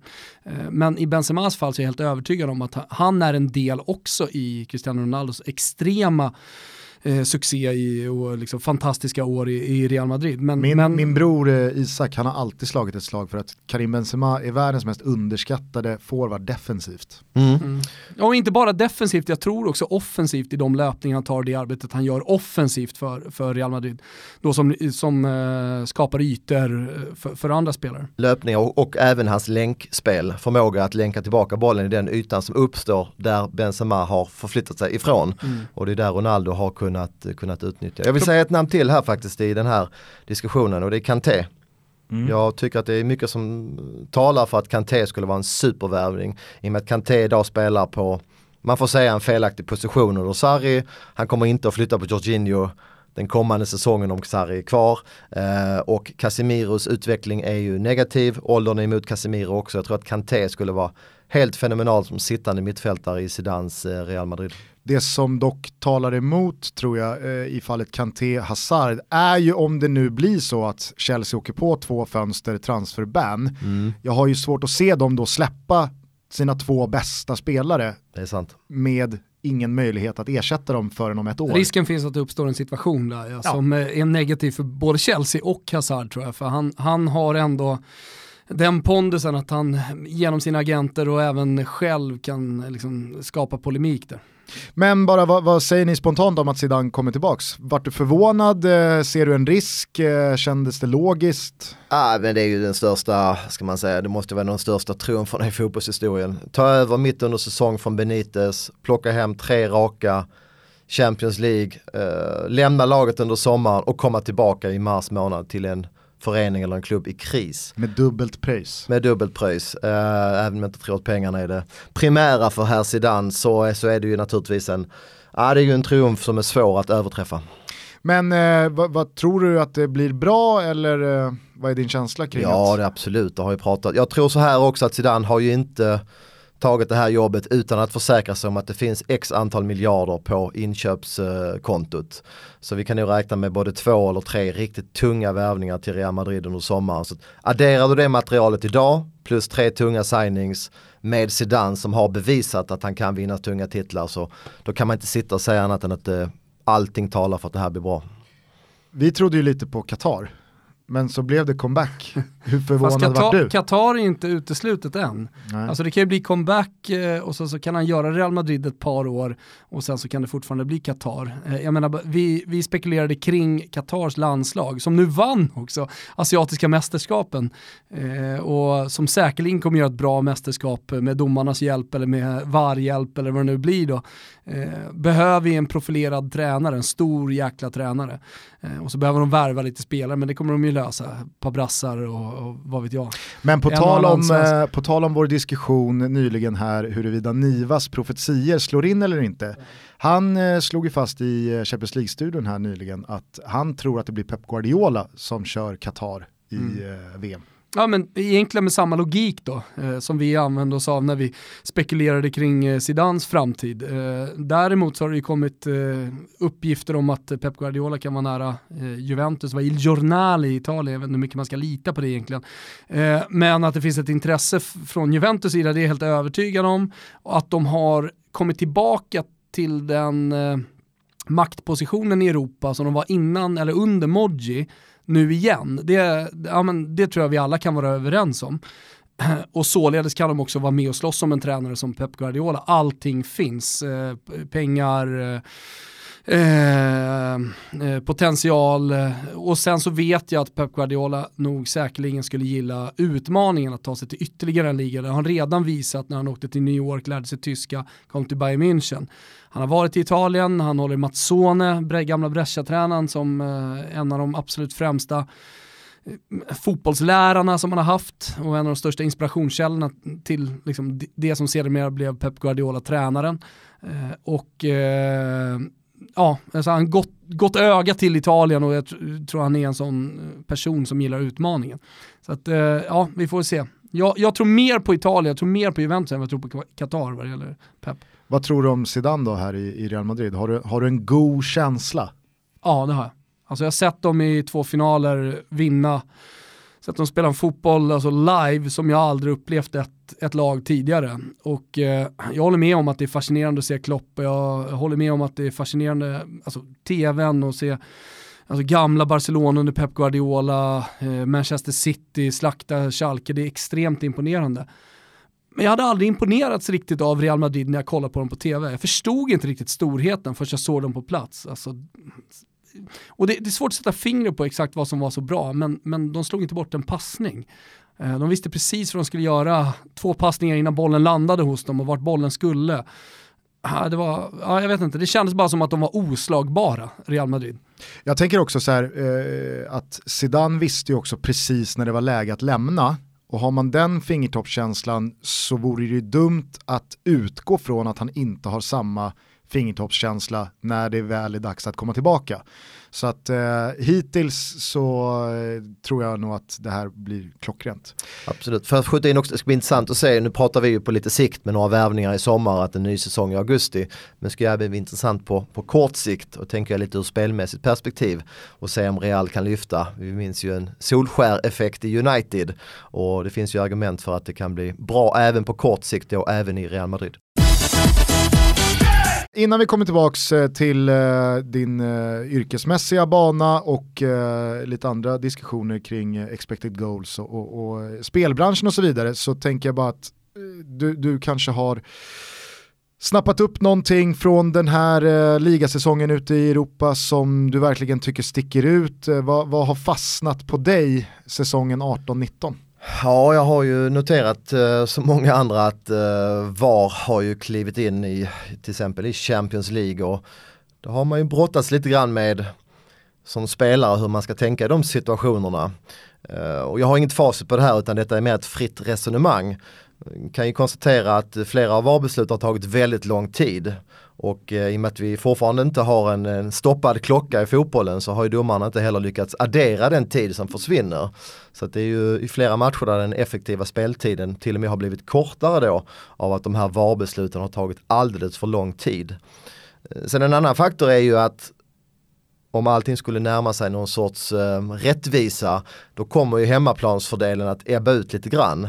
En domare då som troligtvis undermedvetet påverkas av 80 000 hemmafans som skriker när någon går omkull i straffområdet.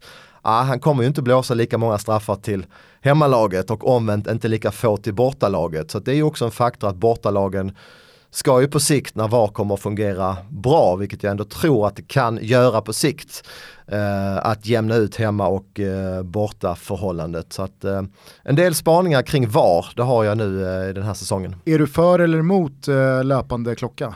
Emot, kraftigt emot. Uh, I alla fall under slutdelen av matcherna. Om det ska vara sista 10 eller sista 15, det, det låter jag vara osagt. Men jag har, uh, fotboll är världens vackraste spel. Det är eh, så mångfacetterat, det är fantastiskt därför att sämre lag kan slå bättre lag. Men jag fullkomligt avskyr uh, den här, man kallar Italien furbo, att man vill vara lite smart. Men det är ju det är trots allt negativt. Vi måste ju ändå sträva efter att fotbollen som är en så stor del av vårt samhälle ska gå mot att vi ska inte försöka att lura domaren i varje situation och så fungerar det i, i mångt och mycket idag att 22 man försöker göra vad de kan för att göra det för så svårt för domaren att döma ärligt och korrekt. Och det gör att det blir tröjdragningar, det blir snack med domaren och en annan spaning där, nu backar jag lite grann. Problemet med VAR är att om domaren missar en straffsituation, innan VAR, ja, då kunde du protestera mot domaren men du visste att han skulle aldrig ändra sig. Idag, då ser du spelare som långt efter situationen kastar sig ner, sliter sitt hår för att verkligen markera för alla på arenan att nu har det hänt någonting horribelt. Det här måste VAR-granskas. Det gör ju att det blir kontraproduktivt. Det blir istället mer protester Trots att man trodde kanske när VAR introducerat att det kommer bli färre protester. Men nu protesterar de för att de ska kolla på VAR. Och det är ju oerhört negativt och även då för, för tidsaspekten. Så det blir ett långt svar men jag tycker definitivt att man skulle stoppa klockan. Det skulle inte uppmana folk att maska vid byten eller spela skadade som det görs idag. Och dessutom skulle det inte vara roligare om man visste att vi spelar till exakt den sekunden. Nu vet man att det är 15 sekunder kvar bollen är i ett visst läge. Idag är det ju bara domaren som vet om det är fyra minuters tillägg eller fem och en halv eller sex och en halv. Ta matchen mellan PSG och United, de spelar väl 8-9 minuter efter 90 så att säga. Det var ingen som visste när blåser han och jag tycker att det spänningsmomentet att ha en fast klocka, förutom att det är rättvisare, skulle även göra det mer spännande. Vad säger du? För eller emot? Ah, jag har pratat faktiskt om exakt den här grejen, kommer från Daniel också, men, men att man skulle ha en, en, eh, en klocka sista 20 som är effektiv och där man blåser av. Eh, just för att bli av, kanske framförallt för att bli av med maskningarna.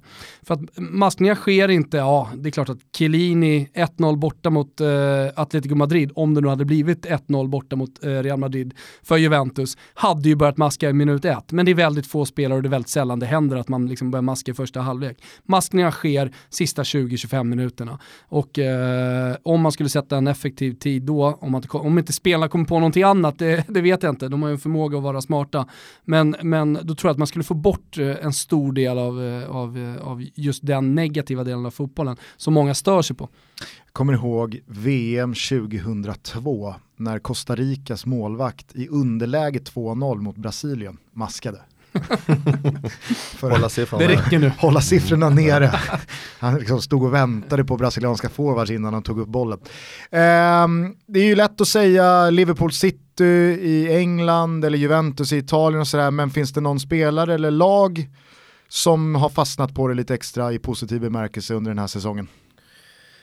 Den här säsongen, kanske Sterling. Jag tycker att hans, eh, han har ju alltid haft snabbheten och eh, att han är väldigt irrationell. Men jag tycker att han, kanske ganska långsamt men ändå, har successivt eh, blivit en bättre avslutare och kommer i bättre lägen för att avsluta. Och det är väl troligtvis Pep som ligger bakom det, att han har coachat Sterling jag har sett träningspass på YouTube där han jobbar individuellt med just Sterling för att få honom i rätt position när han ska avsluta. För han var ju en hopplös avslutare under en viss period. Och jag har även läst folk på Twitter som säger att han är hopplös Twitter. Men han är hopplös på sina avslut. Men tittar du på statistiken och där kommer lite grann expected goals in så har ju Sterling kraftigt förbättrat sina avslut och eh, ligger faktiskt över expected goals i förhållande till sina målchanser i år. Så att jag, jag säger Sterling där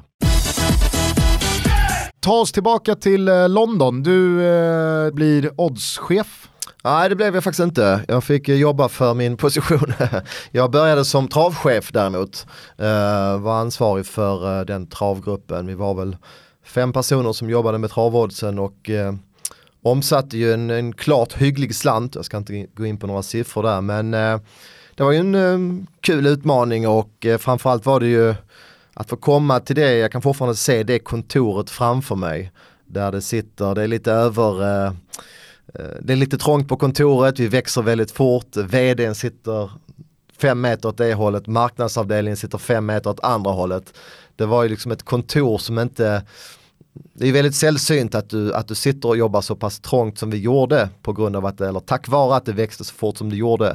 Eh, men det gjorde också att det blev en holistisk känsla på bolaget. Man visste exakt vad som hände. Man lärde känna folk från olika avdelningar och vi brann liksom alla för det här enda målet. Och det var faktiskt en jäkla det var en jäkla trigger mot det svenska monopolet faktiskt. Som, eh, det var en passion på det kontoret som jag nog aldrig kommer att uppleva igen för det var helt enormt när vi sitter där i London och ett gäng svenskar då och fightas för att sätta ett nytt bolag på, på marknaden och framförallt var ju våra fiender då ATG och Svenska Spel. Men var det här någonstans du började ta eh, klivet in i sportsbetting?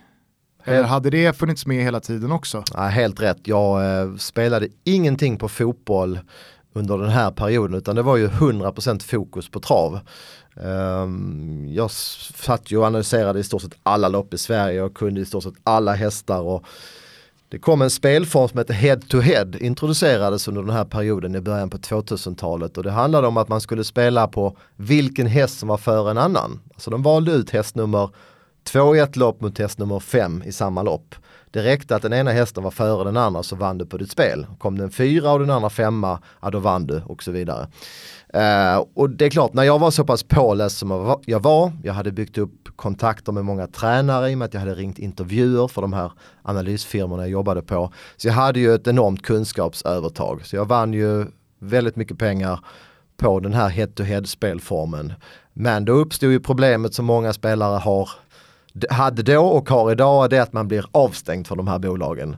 Så jag fick ju öppna namn i, i släktingars eh, namn och kompisars namn och fick eh, ge folk lite pengar för att öppna konto men till slut tröttnar man ju på det där att hela tiden ha nya konto och liksom bli nedstängd och bolagen blir ju snabbare och snabbare på att limitera som det heter. Så jag kände ju lite grann att, att jag kanske skulle, om jag la, la den tiden jag la på trav om jag omvände det och la det på fotboll istället så fanns det ju en oändligt mycket större marknad.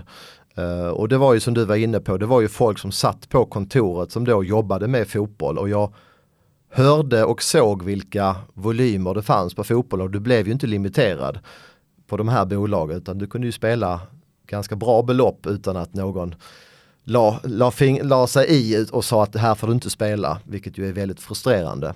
Så det var en, det, att man blev limiterad plus att jag satt i ett kontor med andra personer som analyserade fotboll. Det var det som gjorde att jag började titta mot att bli spelare på fotboll. Och där får man ju säga, där hade du då bakgrunden ändå som fotbollsspelare och fotbollsintresset. Eh, samtidigt då får jag gissa det matematiska, eh, för att eh, även om det är två olika spelformer, två olika sporter, så, så är det fortfarande sannolikhet vi pratar om. Man kan ju säga så att jag blev ju fotbollsproffs Fast jag blev fotbollsproffs på att spela på fotboll.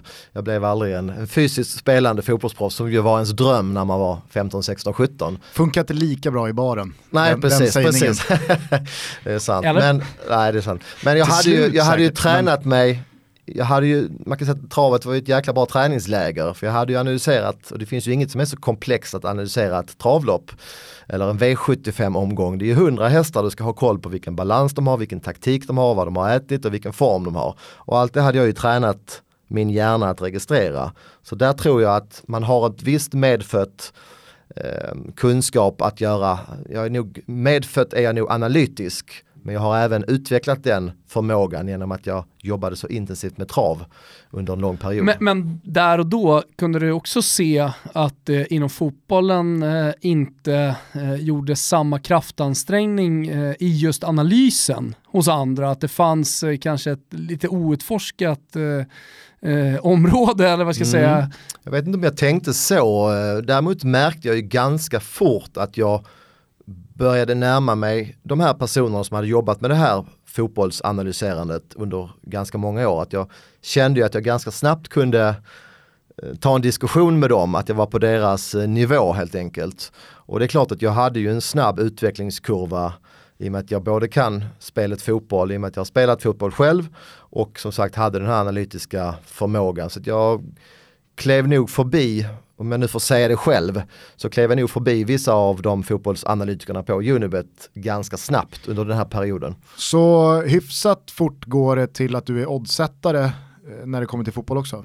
Ja det stämmer, jag glider över, eller rätt sagt 2000, efter två och ett halvt år så känner vi att London är fantastiskt men det finns också vissa män med London, det är, eh, det är en fantastisk stad men det här kontoret är ju inte, det är ju inte inne i Glacia London till exempel utan det är ute i Wimbledon och det är, det är många stopp med, eh, med eh, tåget för att komma in till, till stan och så vidare. Så att vi kände väl, eh, jag och min blivande fru då att vi var nog sugna på att jobba i Stockholm helt enkelt. Och i och med att den möjligheten upp, uppkom, att jag blev skandinavisk oddschef, så flyttade vi hem 2006. Och det var också en kul period för då, då fick jag ju även jobba lite grann med rekrytering och utbildning av personal. Det kan ha varit mellan 12 och 14 personer runt om i Skandinavien då som, som satte odds på olika ligor som jag ansvarade för. Om vi bara stannar vid just eh, oddsättning så tror jag att eh, många med mig nog eh, har eh, en del frågor. O- om du bara liksom försöker koka ner det till e-, ett svar. Vad, vad, vad är det för eh, fundament i ett odds? Vad, vad tar man i beaktning? Ja, det är ju sannolikheter vi pratar om. Och för att kunna sätta rätt sannolikheter så måste vi ju ha information. Vi måste ju veta grundstyrkan på Liverpool, vi mäta, måste veta grundstyrkan på Burnley om nu Liverpool och Burnley möts. Sen kan det ju vara faktorer som gör att, att Liverpool har högre eller lägre sannolikhet i just den här matchen mot Burnley. Det kan ju vara skador, det kan vara avstängningar, det kan vara väder. Det vill säga om ett lag som man tror är favoriter är spelförande men det blåser väldigt mycket. Det kan ju påverka det konstruktiva spelet negativt, alltså att favoritens sannolikhet att vinna minskar. Men generellt sett, styrk, grundstyrkan på laget och sen då de individuella faktorerna med enskilda spelare som är skadade, avstängda samt även då spelschema. Det vill säga lagen, de här topplagen spelar ju 50-60 matcher på en säsong. Och de kommer inte vara lika bra i alla 50-60 matcher. Utan det gäller ju för mig som eh, analytiker att försöka förutspå att i den här matchen kommer de att vara på sitt max. I den här matchen kommer de kanske bara komma upp i 80% av olika anledningar. Så det gäller egentligen att förutspå lagens kapacitet för att sätta en sannolikhet i det specifika mötet. Och eh, om vi bara tar liksom en, eh, en match som exempel. Ta eh, ett Merseyside-derby då. Mm. Everton-Liverpool. Sitter du ner med ett, eh, ett gäng människor eller ansvarar en person för den oddsättningen? Eller hur, hur går det till när det landar i tre odds om vi då ser till 1, kryss 2? Mm. Premier League är som sagt världens största liga och då hade vi oftast två personer som resonerade, en som var ansvarig men en person som resonerade med den här personen hur vilket odds vi helt enkelt skulle erbjuda till kunderna. Och här är det också viktigt att förstå att sätta odds år 2005 är en helt annan sak än att sätta odds år 2019. På de här 14-15 åren har det hänt enormt mycket. Så att oddsättning var egentligen mer ett hantverk förr i tiden för det fanns inte det fanns inte lika starka världsmarknader som det finns idag. De som jobbar med oddsättning idag, det här yrket ska inte romantis romantiseras idag utan det handlar i ganska stor eh, utsträckning idag om att följa den marknad som sätter priserna i matchen. Så det är ju väldigt sällan att någon oddsättare sitter och tänker att aha, här har jag verkligen hittat någonting som ingen annan har hittat i en Premier League-match. Och det är också mer information idag, lättare att hitta information. Helt hur? rätt, det går mycket snabbare. Alltså backa bandet till 1991, eh, Helt backa rätt. bandet till när du stod på Jägersro och klockade Helt hästar. Rätt. Även travet har gått vidare där. Jag, jag kan tänka mig att de där tiderna på, på träningar till exempel på hästar, idag kan du hitta dem utan att du åker ut och, och klockar. Helt eller? Rätt. Man kan ju göra en distinktion mellan Premier League och till exempel en svensk division 3-match.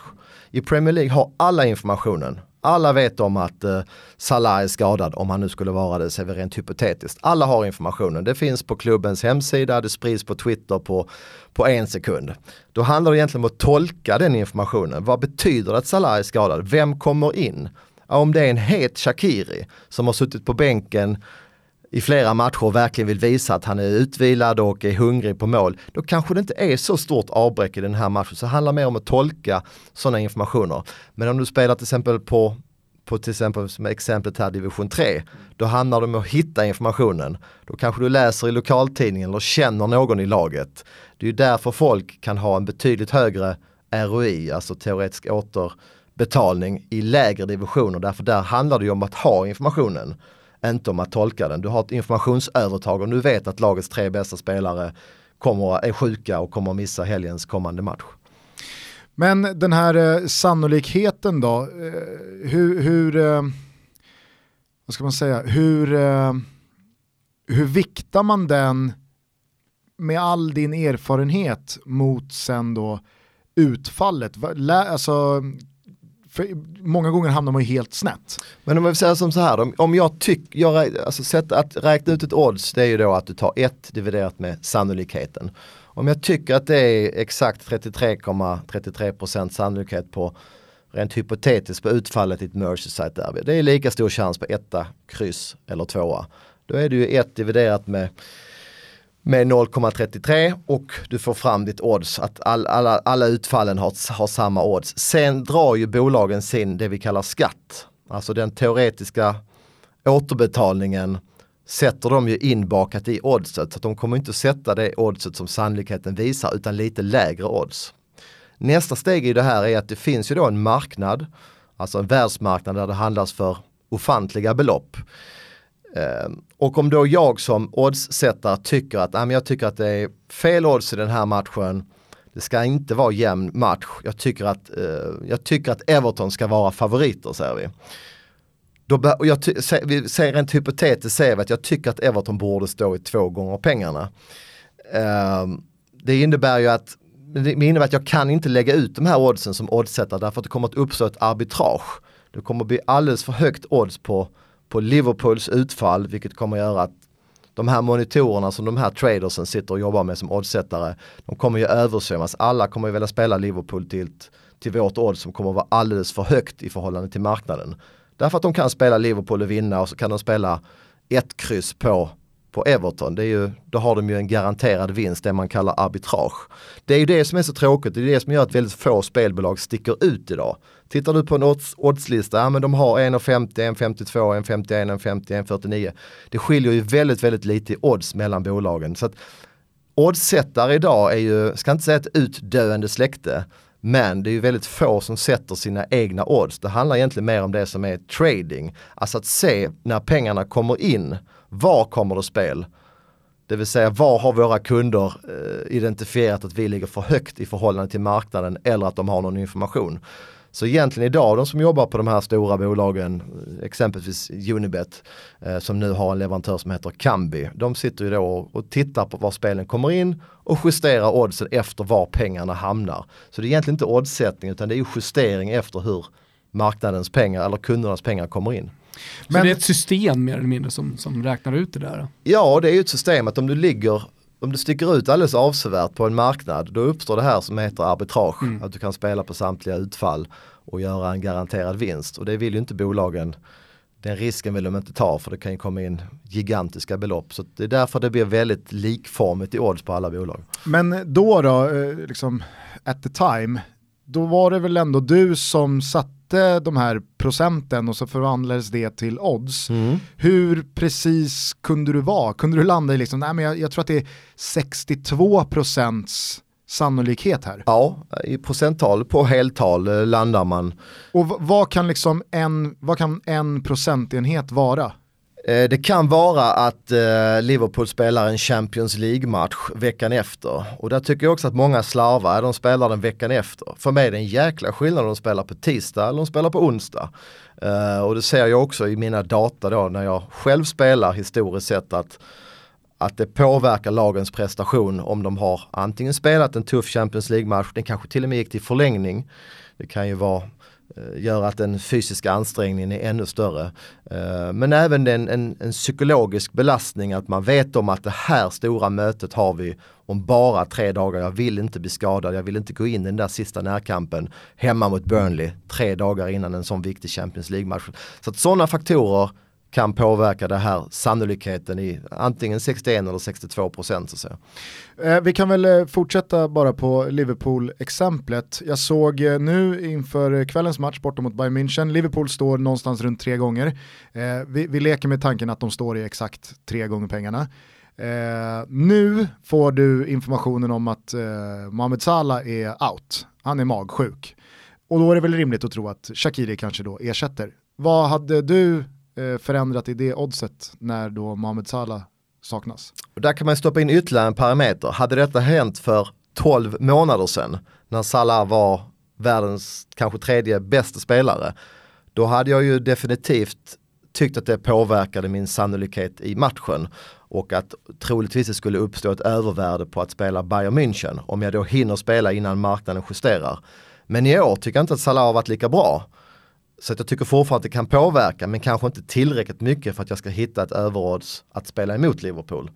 Så att svaret på din fråga, eh, Salah är viktig för Liverpool men har ju inte varit på samma stratosfäriska nivå som han var förra säsongen. Så att förra säsongen hade jag lagt större värdering vid det än i år. Och för att vara konkret då, hade du då höjt dem till 3,50 eller 3,20 eller ja. vad är det för vad är det för skillnader i själva oddset? Ska man inte behöva visa lite grann kanske mer på ett papper hur procentsannolikheten ändras och ändras procentsannolikheten eh, så ändras ju oddset därefter. Eh, men säg att det hade ändrat sannolikheten med eh, Liverpools vinstchanser hade kanske minskat 1,5 till 2 procent då, säger vi. Vilket gör också ett ganska litet utfall på, på oddset. Så, så och då är det ändå det en Mohamed Salah. Då kan jag ju tänka mig, alltså så här, det måste finnas så väldigt små detaljer också som knappt ger utslag men som ändå ska tas i beaktning. Ja men så är det ju. Och det kan ju vara den här faktorn, eh, vi pratade ju tidigare om, Salah, äh, om Zidane och äh, Ole Gunnar Solskjaer och det är ju liksom den stämningen i laget. Det är lite grann det vi kallar, vi uttrycker som mjuka faktorer. Det är ju inte så att det har hänt någonting egentligen rent det är ju ingen, det är ingen fakta att Uniteds spelare blev bättre den natten som Mourinho lämnade. Däremot det man kallar mjuka värden, ja men de känner sig lite tryggare, de vill visa omvärlden att de är bättre än vad de har varit. Det finns en revanschlusta. Men alla människor har vi ju vi har ju mer i oss än vad vi visar. Vi kan ju alltid prestera lite, lite högre. Och om elva spelare går samman och vill visa omvärlden att vi är bättre än vad vi har visat hittills så kan ju det bli en jäkla stark effekt tillsammans och det såg vi också på United i sina första matcher. Nu hade de lite tur också att de mötte begränsat motstånd men det var ju ett mycket offensivare och mer fartfullt United. Och det var egentligen bara en faktor, det var en person som hade lämnat på tränarbänken. Det var egentligen, det var inte det att eh, Pogba blev bättre på att slå passningar för att Mourinho lämnade utan han han la ner lite mer energi i sitt spel, han var lite tryggare på planen, han kände att jag kan ta de här djupledslöpningarna. Ingen tränare kommer att skälla ut mig eller prata dåligt om mig på presskonferensen efter och det gjorde att, att eh, Pogba kom in i straffområdet och gjorde ju gigantiskt många poäng i inledningen efter tränarbytet. Så att hoppas det är lite svar på din fråga att det kan vara sådana mjuka faktorer också som påverkar men, men sen tänkte jag bara addera, addera en sak, det kan, ju, det kan ju också vara så att eh, man har funderat eh, åt Liverpool-hållet i, i det här fallet. Och man, man är intresserad av, eh, av Liver, att spela Liverpool på grund av mjuka faktorer. Det kan ha med vädret att göra, det kan ha att göra med motståndaren som kanske har tappat någon spelare på vänsterbackspositionen. Det, där han ska spela. det är nog det vi kallar hårda faktorer, att just spelare borta eller att vädret är är på ett visst sätt som påverkar plan. Det är mer, det är mer fakta. Jag menar, jag menar mer hårda, ja. att, att man har eh, faktorer, oavsett mjuka mm, eller hårda, mm. så, så lutar man åt ett håll. Så kan det vara till exempel så då en, en mjuk faktor som kanske bara är 1,5-2% som gör att det väger över. Mm. För att man tycker att man, man, man, man sitter på litet eh, överodds själv eh, när man analyserat matchen. Att det kan vara små faktorer som i slutändan gör att man tar steget och spelar. För att visa, precis helt rätt, för att visa hur små marginaler det är så är det ju att jag sitter inte här och säger att jag har rätt i varje match. Det är ju ingen som har. Däremot så slår jag marknaden oftare, att jag har mer rätt än vad jag har fel. Men hypotetiskt sett, ett lag står i två gånger pengarna. Jag tycker att de har 52% sannolikhet. Det innebär att i 52 fall kommer mitt, min insats att multipliceras med oddset 2. Det ger ju utfallet 104, alltså 4% avkastning. Men jag har ju fel 48 gånger av 100. Men det räcker att jag har rätt, alltså har jag rätt 52 gånger, jag har fel 48 gånger. Det gör ju att i 52% av fallen så kommer min eh, insats att addera, eller min, min insats att multipliceras med oddset 2 som vi nu rent hypotetiskt pratar om. Och det ger mig en ROI på 104%. Så att jag kan ha fel 48 gånger av 100 men ändå gå plus på, på mina spel. I och med eh, att det i fotboll finns ett eh, tredje alternativ kontra då till exempel head-to-head hur, eh, hur viktar man eh, oavgjort mot eh, alltså det andra laget? Jag mm. tänker att om du bedömer att ett lags vinstchans är 50%, sätter sig oddsen av sig självt då på krysset eller eh, andra sidan eller kan du vara de som bestämmer skillnaden då mellan oavgjort och förlust? Ja, nej det är inte något automatiskt odds på kryss utan det påverkas framförallt av hur, hur många mål man tror att det blir i matchen. Ehm, tror man att det är en målsnål match, ja, då ökar ju sannolikheterna för att matchen blir 0-0 eller 1-1. Är det däremot två vidöppna lag som möts och man tror att det är bra chans att det blir fyra eller fem mål i matchen, då kommer sannolikheten att minska lite grann på att det blir 2-2 eller 3-3.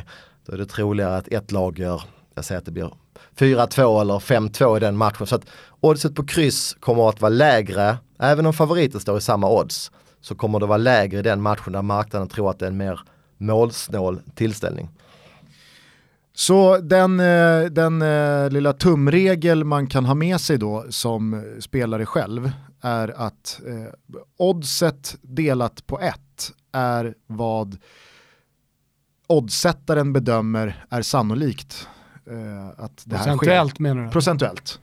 Ja, precis. Att räkna ut ett odds är ju att du tar ett dividerat med sannolikheten. Ja, ja men om jag då ser, eh, om vi då tar Bayern München, Liverpool eh, mm. som exempel igen då. Nu står de väl i högre, men säg att Bayern München står i två gånger pengarna.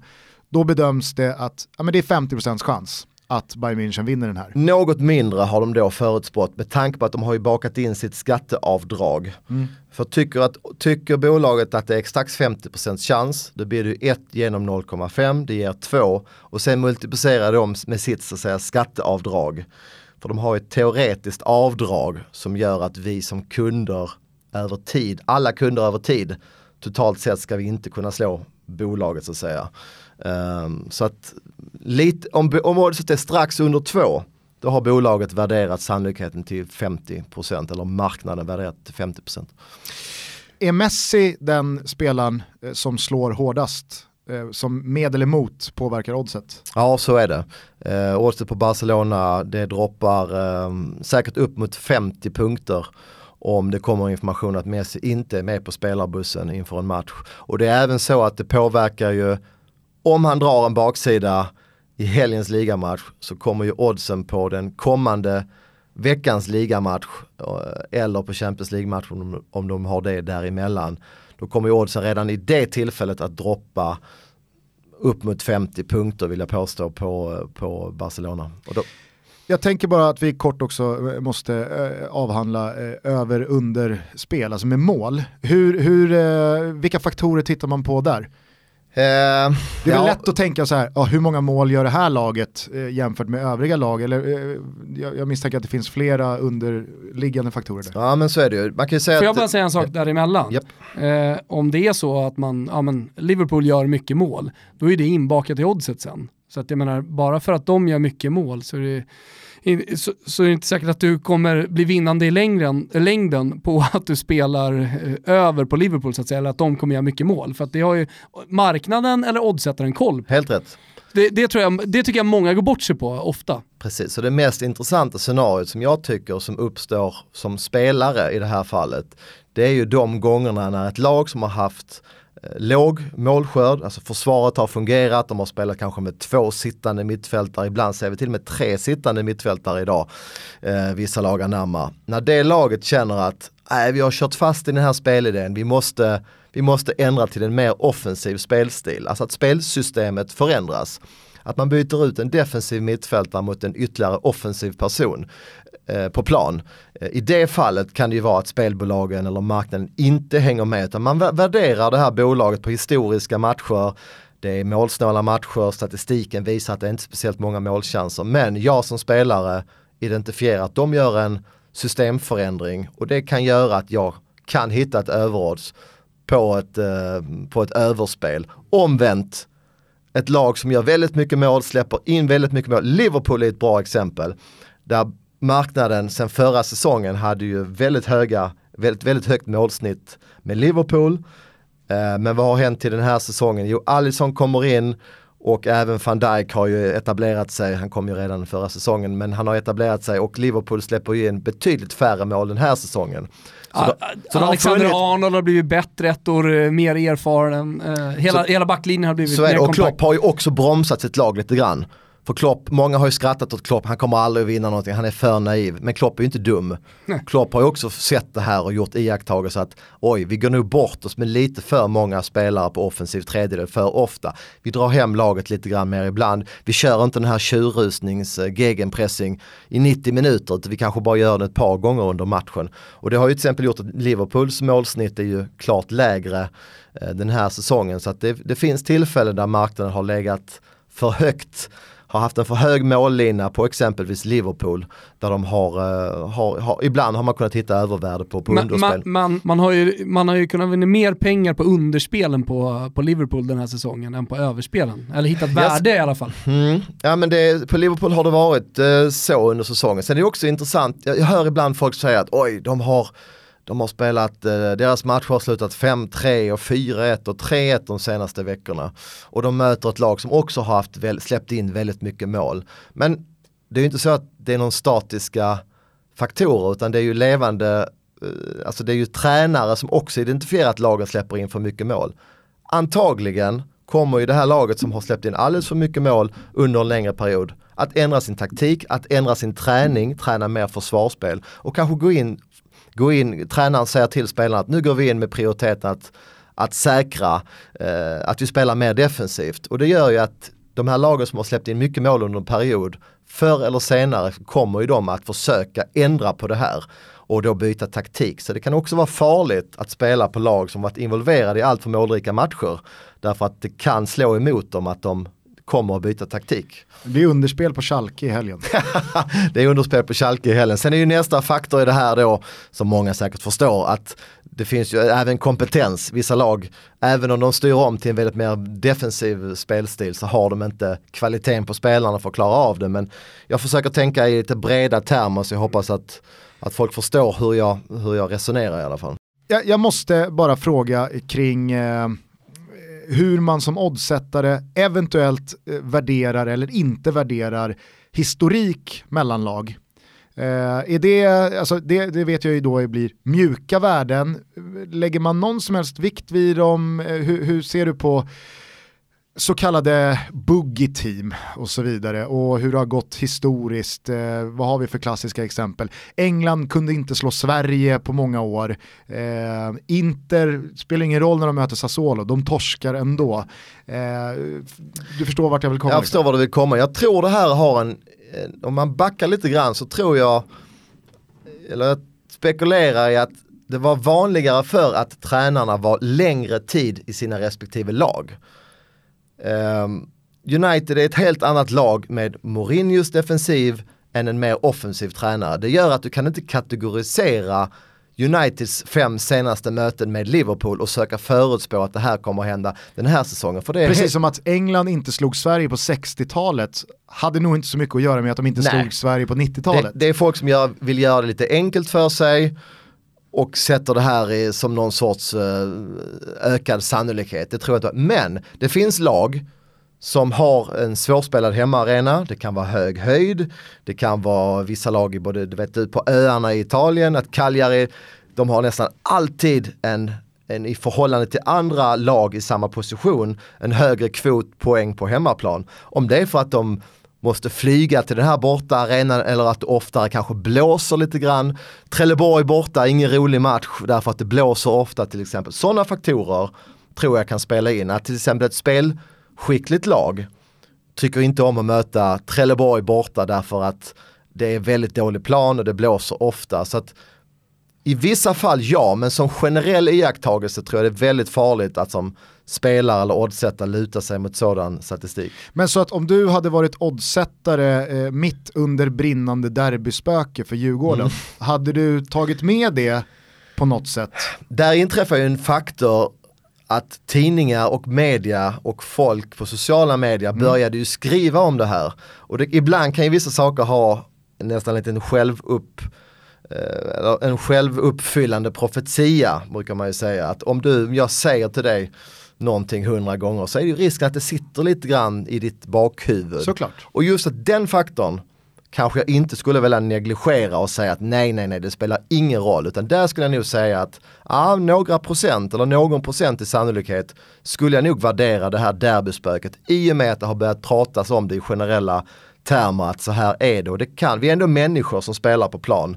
Och det kan påverka hur man presterar baserat på att man då har fått det inpräntat i tidningar att vi är, vi, är, ja, vi är underdogs här, vi brukar inte slå dem. Så att I det fallet så kan det spela in, ja. Men bra så, exempel, bra svar. Ja, men så när du idag som spelare eh, ska ta ställning i en match, då lägger inte du speciellt eh, mycket vikt vid att det här laget har slagit det här laget eh, 12 gånger i rad Eh, och då, alltså så här, jag kan tänka mig att den senaste och näst senaste, kanske tredje senaste vinsten, de spelar mycket större roll än att det här laget slog samma lag 2006. Ja, ytterst lite vikt lägger jag vid, vid det. Däremot skulle jag vilja påpeka en annan sak.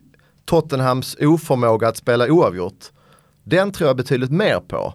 Varför det? Jo, för jag har ju följt Pochettino under hela säsongen och han vill ju inte spela oavgjort. Han tar hellre en förlust med 10 minuter kvar om det står 1-1, sätter in både en och två anfallare i slutet av matcherna.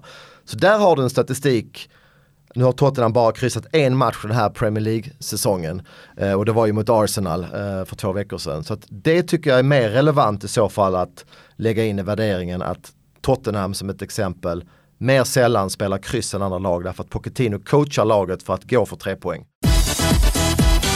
Vi är som ni vet sponsrade av Strive där man ser all fotboll från Serie A, La Liga och numera även MLS kan man säga Robin Jansson va? Ja, ja, ja. Hela, vägen från, Beng, hela vägen från Bengtsfors. Bengtsfors, eh, men lägg, låt det där vara Gusten. Ja, det fotbollen har vi koll på. Nu, ja, fotbollen har vi koll på, det är Lali och det är en jävla massa matcher och det är så jävla bra. Och man ska självklart ha Strive för 79 spänn, det är inga pengar och så vidare. Men det stora, vi säger varmt, varmt välkomna ner i den stora varma Strive-båten till Vicky Blomé och Marcelo Fernandes. Marcelo Fernandes, som Precis, eh, det är redan eh, gedigna kommentatorstallet utökas här nu då med två expertkommentatorer.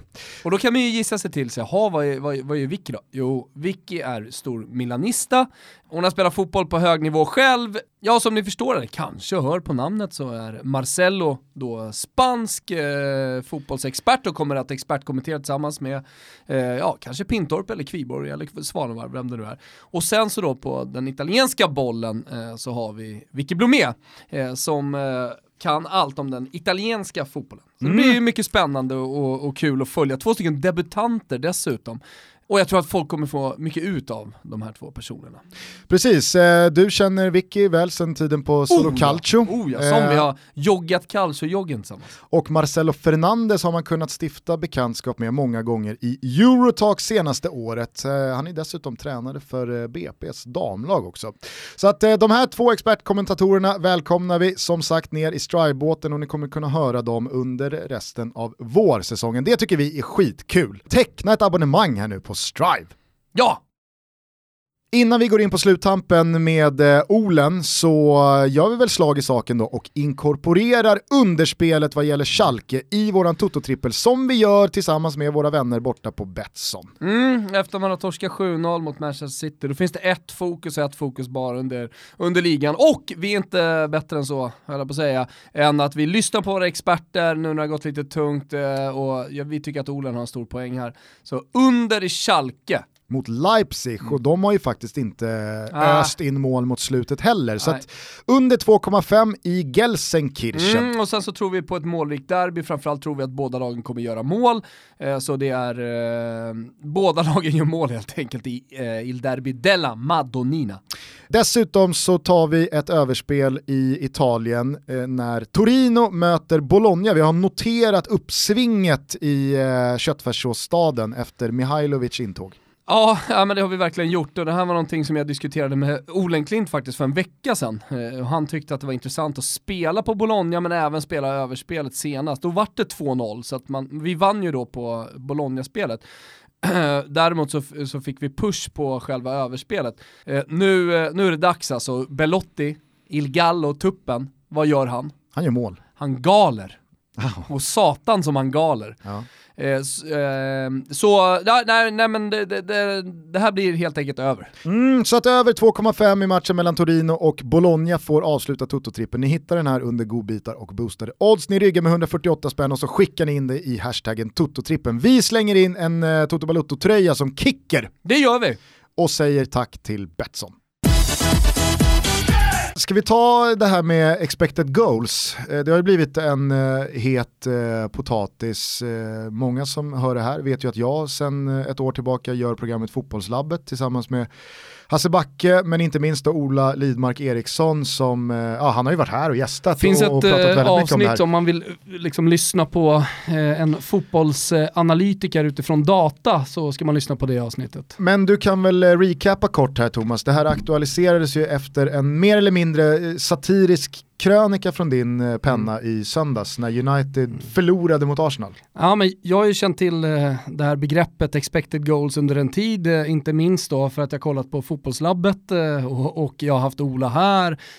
Jag är intresserad av spel, så att det, här är ju, det här är en faktor som jag också använt mig av för att analysera matcher. Men jag märkte att det började bli brett. Efter den matchen så började alla i stort sett slänga sig med termen, på sociala medier ska jag säga, eh, expected goals. Och när jag sökte i Twitter-sökfunktionen på XG och så då Manchester United så kom det upp tut tusentals grejer på arabiska, på engelska, på svenska.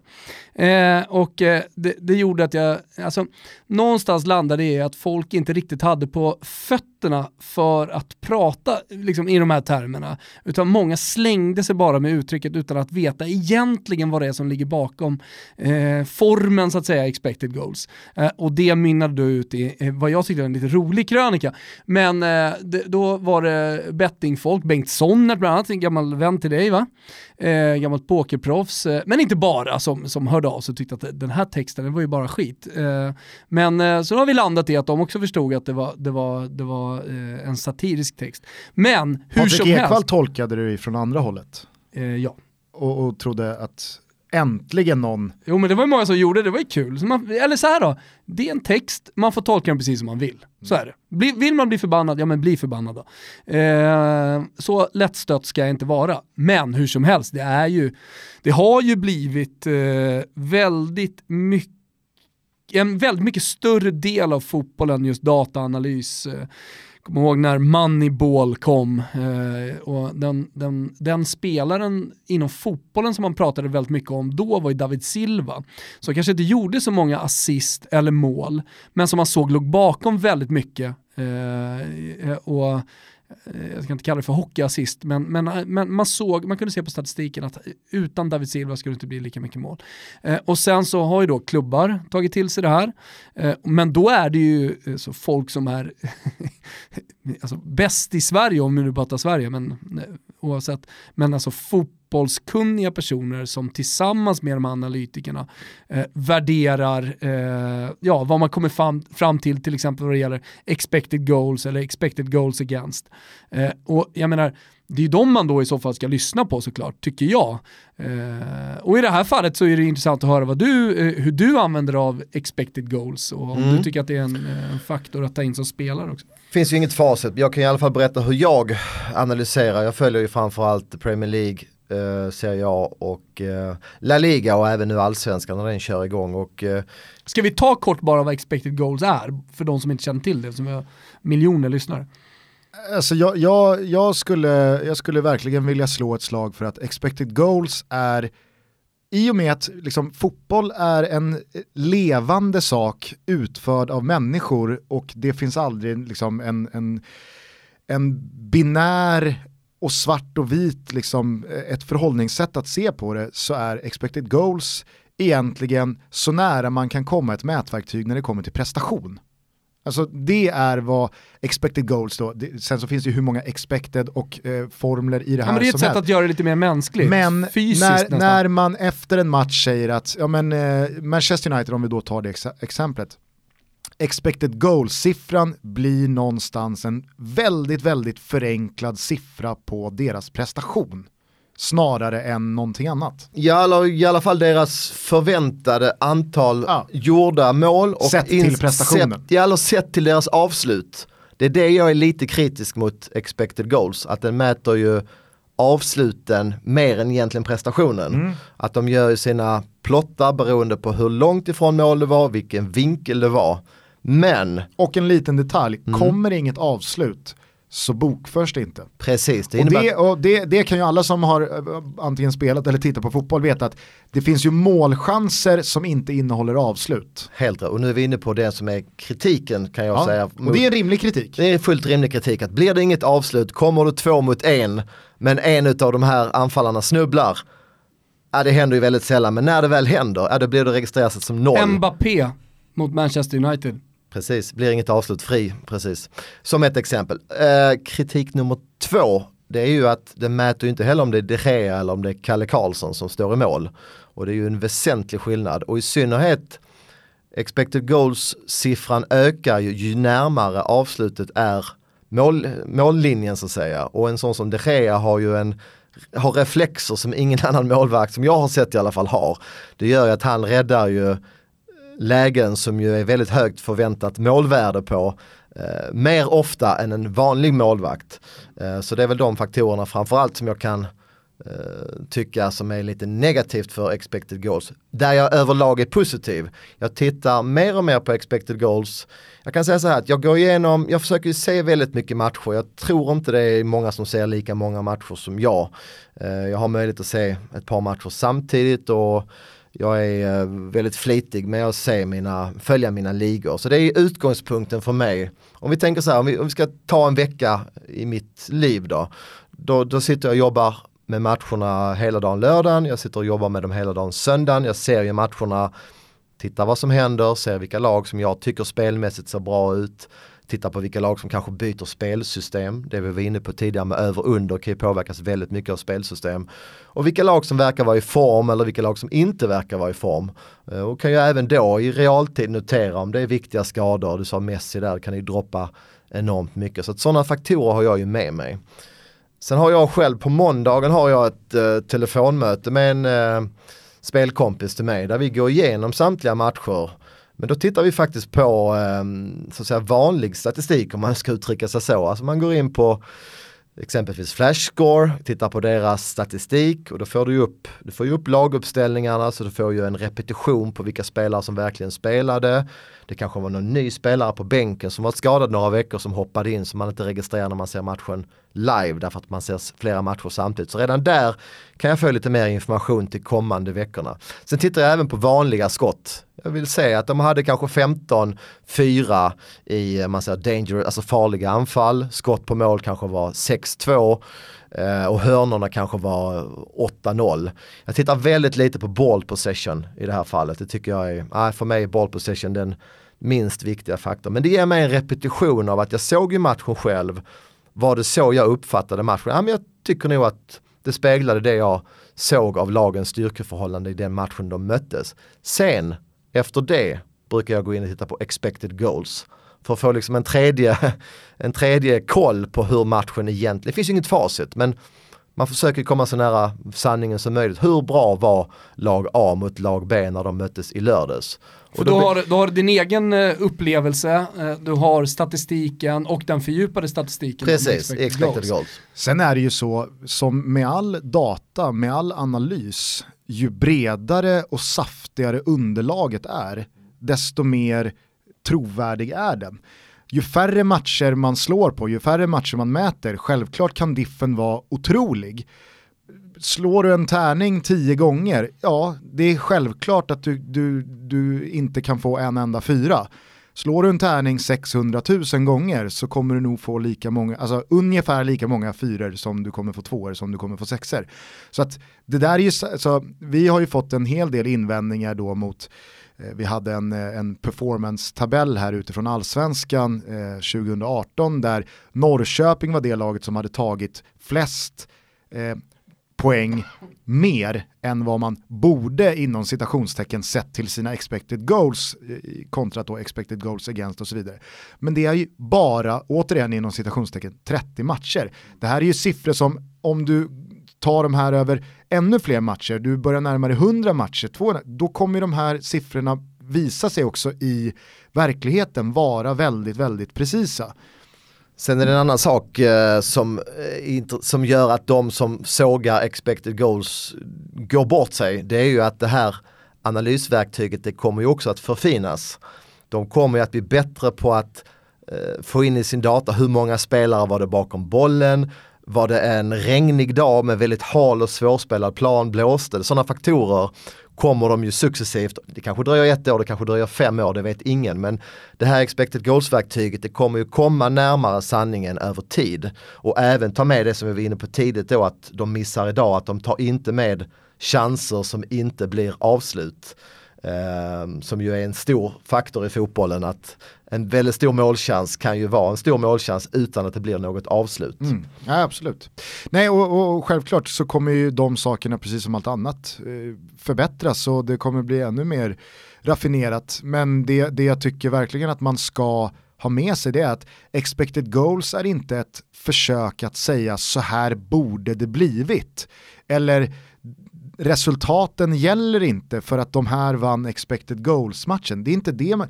Utan, en del av analysen. Ja, och det är någonstans en förenklad bild av prestationen. En match kan sluta 2-0 till lag A, men alla vi som såg matchen såg att det var lag B som dominerade, som skapade massa chanser och som hade tre i virket och som prestationsmässigt skulle ha, ha, fått med sig någonting annat. Mm. Men här, det, det, är ju skillnaden. Jag tror att Thomas eh, började skriva den här, eller skrev den här krönikan på grund av, eller tack vare att eh, många spelare finns på Twitter, du följer säkert många, alltså nu pratar jag sportspelare. Och det finns ju ett behov som sportspelare att, jag ska inte säga skylla ifrån sig, men i alla fall berätta för sig själv och sin om, omvärld att jag hade faktiskt otur. Och då är det ju lätt att säga att oddset kanske droppade åt ditt håll, det vill säga du gjorde ett spel till två gånger pengarna, det fanns till 1,90 matchstart. Ja, då slår du dig lite grann för bröstet, jag slog marknaden. Och det är, en, det är oftast när rätt, marknaden har rätt ofta, inte alltid, men den har ofta rätt. Så det är klart att det är en viktig variabel att man slår marknaden. Sen är nummer två att titta på den vanliga statistik, se matchen med egna ögon och, se, och titta på den vanliga statistiken. Och de hade 7-2 i skott på mål men förlorade 1-2 det är ju, då har man ju otur kan man ju då kabla ut på Twitter. Och så då nummer tre då den så att säga nya, nya funktionen här det är ju då att man gärna säger att jag hade otur, titta på expected goals. Och det är då du reagerar att man i det fallet hävdar att titta här, här är sanningen. Och det är ju inte sanningen utan det är ju en del av en, av en helhet, en del av en, av en total sanning. Så det är väl det du Men, reagerar ja, på. Och det, man, det, man, det man eh, faktiskt kunde se vad det gäller Manchester United, det var ju sannolikt att de förr eller senare skulle börja tappa lite poäng. Absolut. För, eh, alltså, på, kollar man på expected goals och against, eh, så var det ju rimligt att de skulle ta, börja tappa lite poäng. Och i synnerhet om de hade ju tio man på skadelistan en längre period. Ja, så det, det skulle var vara väl- konstigt om de, eh, folk glömmer bort lite grann här att de hade ju väldigt många nyckelspelare borta till exempel mot eh, PSG, Pogba Austin också. Så det är ju inte konstigt men och att det- och det- också underlägsna. i- å andra sidan var en hävstång då eh, mot eh, Arsenal, Mm. att de fick tillbaka alla de här spelarna, dessutom utvilade. Nu fick de inte alla tillbaka men eh, Matic var tillbaka på mitten och Pogba. Pogba var tillbaka och Martial var på bänken. Så det var viktiga spelare och de gjorde ju en bra match. En sak till jag vill Fast jag säga vet- innan jag glömmer ja. det, får jag bara säga den Ja, här. absolut. det är ju att expected goals påverkas ju också väldigt mycket av vem som gör första målet. Därför att det är enklare att försvara sig när du backar hem med många bakom bollen, vilket gör att du kommer också få fler avslut emot dig. Eh, det gör ju också att man får också värdera de matcherna om laget har tagit ledningen eller legat i underläge. För att om du forcerar, du skickar upp allt och alla, du skickar till och med upp mittbackar i slutet av matchen. Det är klart, klart att du kommer komma till avslut. Men det behöver inte betyda att du gjorde en fantastiskt bra match. Nej. Bara för att du forcerade bra sista 10 minuterna där du gamblade, chansade och försökte kvittera. Jag ska bara avsluta här med två saker. En, en stor anledning till din krönika, så förstod i alla fall jag den, det var ju att när väl Uniteds torsk kom så kom det en match som de borde Exakt, vunnit. Alltså exakt. det var ju den ironiska Precis, twisten. Just i den matchen så var det mer... eh, Just i den expect- matchen så, för, så, så, så förtjänade United Även- att vinna sett till då expected goals och så Exakt. vidare. Men då kom torsken, vilket då påvisar återigen då underlaget är fortfarande så skralt att allting kan Jo, ställas men plus upp att det är någonting ner. man ska se över tid, inte bara i en expected goals i en, en match. Och det var ju det jag gjorde mig lite lustig över egentligen. Och min andra, ja. Det var ju en riktig extremmatch där, eh, United borta mot eh, Tottenham.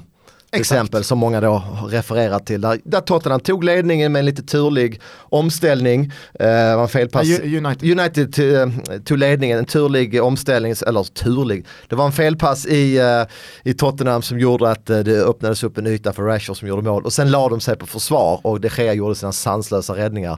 Och då uppstår det här scenariot där expected goals sticker iväg enormt till Tottenhams uh, fördel.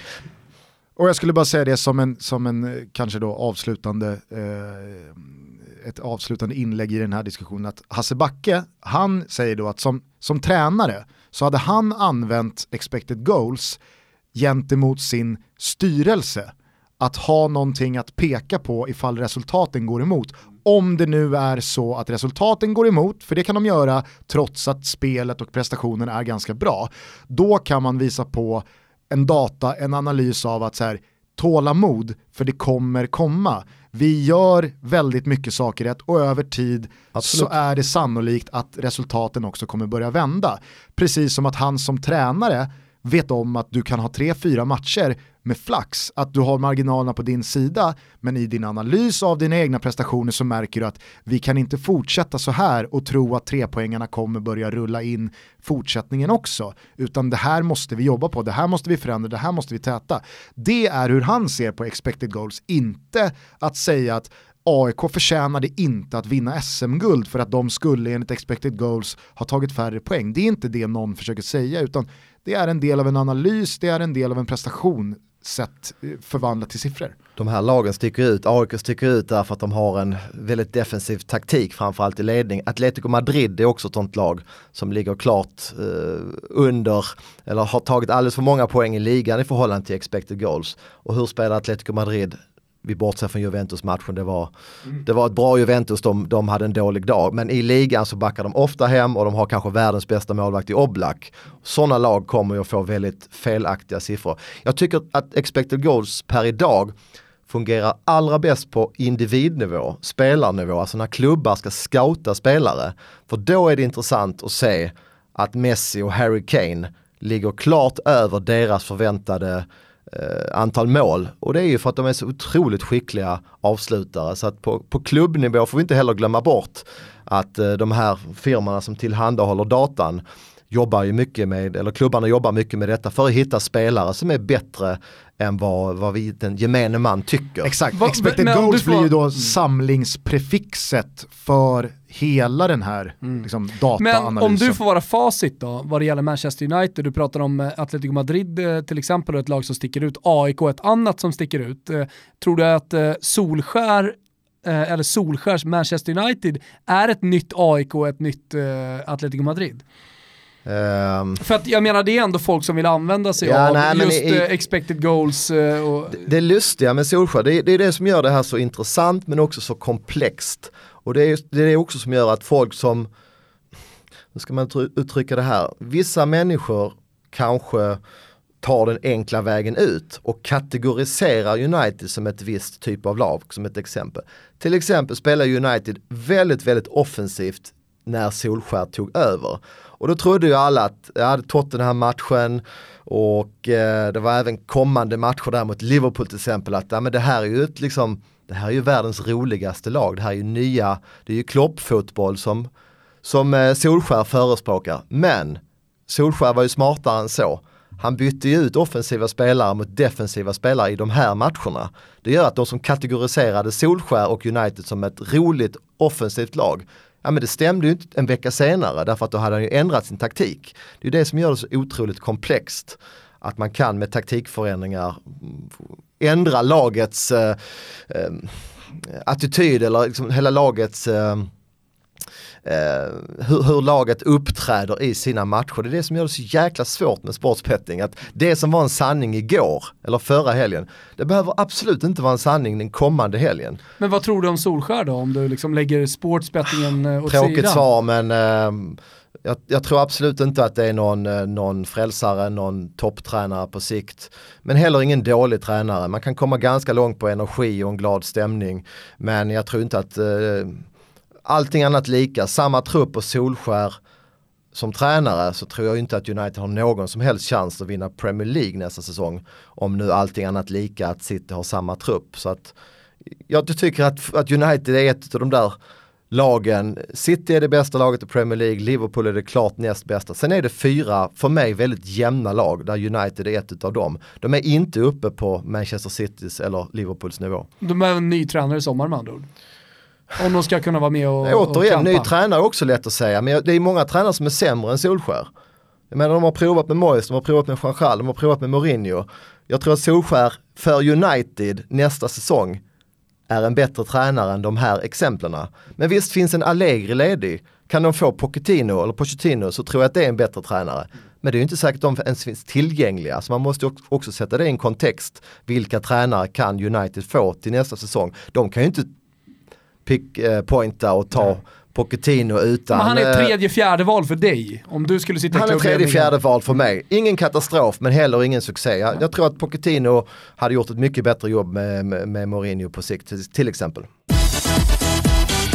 Vi ska börja avrunda, det börjar närma sig Champions League, Bayern München, Liverpool och så vidare. Eh, vi kan väl bara kort då eh, avsluta din, din eh, jobbkarriär. Det blev ett par år då i Stockholm för Unibet innan du ja, men egentligen har, har, har levt eh, solo på, på spelen. Ja, ett par år blev ju faktiskt tio år. Jag eh, har varit kvar i olika roller i Unibet men jobbar ju idag för Men inte lika intensivt och Nej, jag schemalagt. valde ju självmant att kliva ner från eh, den rollen jag hade som skandinavisk oddschef med tanke på att jag fokuserade mycket på mitt eget spelande. Men eh, jag har ändå varit noga med att jag fortfarande vill vara med i ett sammanhang och jag trivdes väldigt bra i, på Unibet under många år och många goda kollegor därifrån. Så att jag eh, bibehöll eh, hade en fot kvar i bolaget väldigt länge. Men jag bytte faktiskt arbetsgivare här nu för drygt ett år sedan, jobbar på överodds.se och det passar ju rätt bra med min livsstil att följa de här eh, marknaderna på ett professionellt sätt så att jag kan lägga spelrekar hos det bolaget och även vara med och utveckla den sajten lite grann. Och det tycker jag är stimulerande. Och även där är det, jag tror det är viktigt att inte bara, eller för mig har det varit viktigt att inte bara syssla med privatspelande utan jag är ganska nyfiken, jag tycker om människor, jag tycker om att vara i ett sammanhang.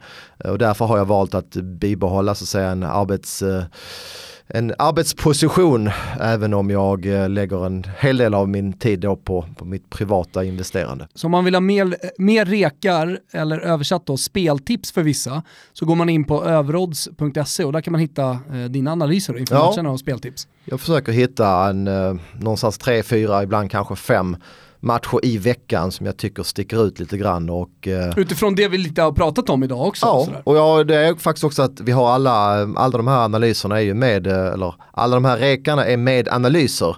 Så där kan man ju också eh, läsa hur jag tänker och är det någon som tycker att jag tänker knasigt eller har någon fråga så finns jag på Twitter också, heter Wisebetting där. Så att där går det ju att följa upp de här analyserna om det är någonting mer man är nyfiken på och veta hur jag eh, tänker när jag försöker förklara och motivera mina spelförslag. Ja men det hör ni, följ Wisebetting på Twitter och eh, gå in på överodds.se för fler, eh, re, eller för fler, men för rekar då från Daniel. Eh, fan vad roligt att du kom och gästade Olen. Du är varmt välkommen tillbaka eh, nästa eller nästnästa gång du är uppe i, i stan. Då kanske för att prata lite mer eh, sport, alltså fotboll och eh, matcher och det Då är allsvenskan säkert igång också. Ja men precis, nu blev det ju väldigt mycket faktaruta, speldelen och så vidare. Eh, men du är ju ett eh, otroligt vasst fotbollsöga måste jag säga.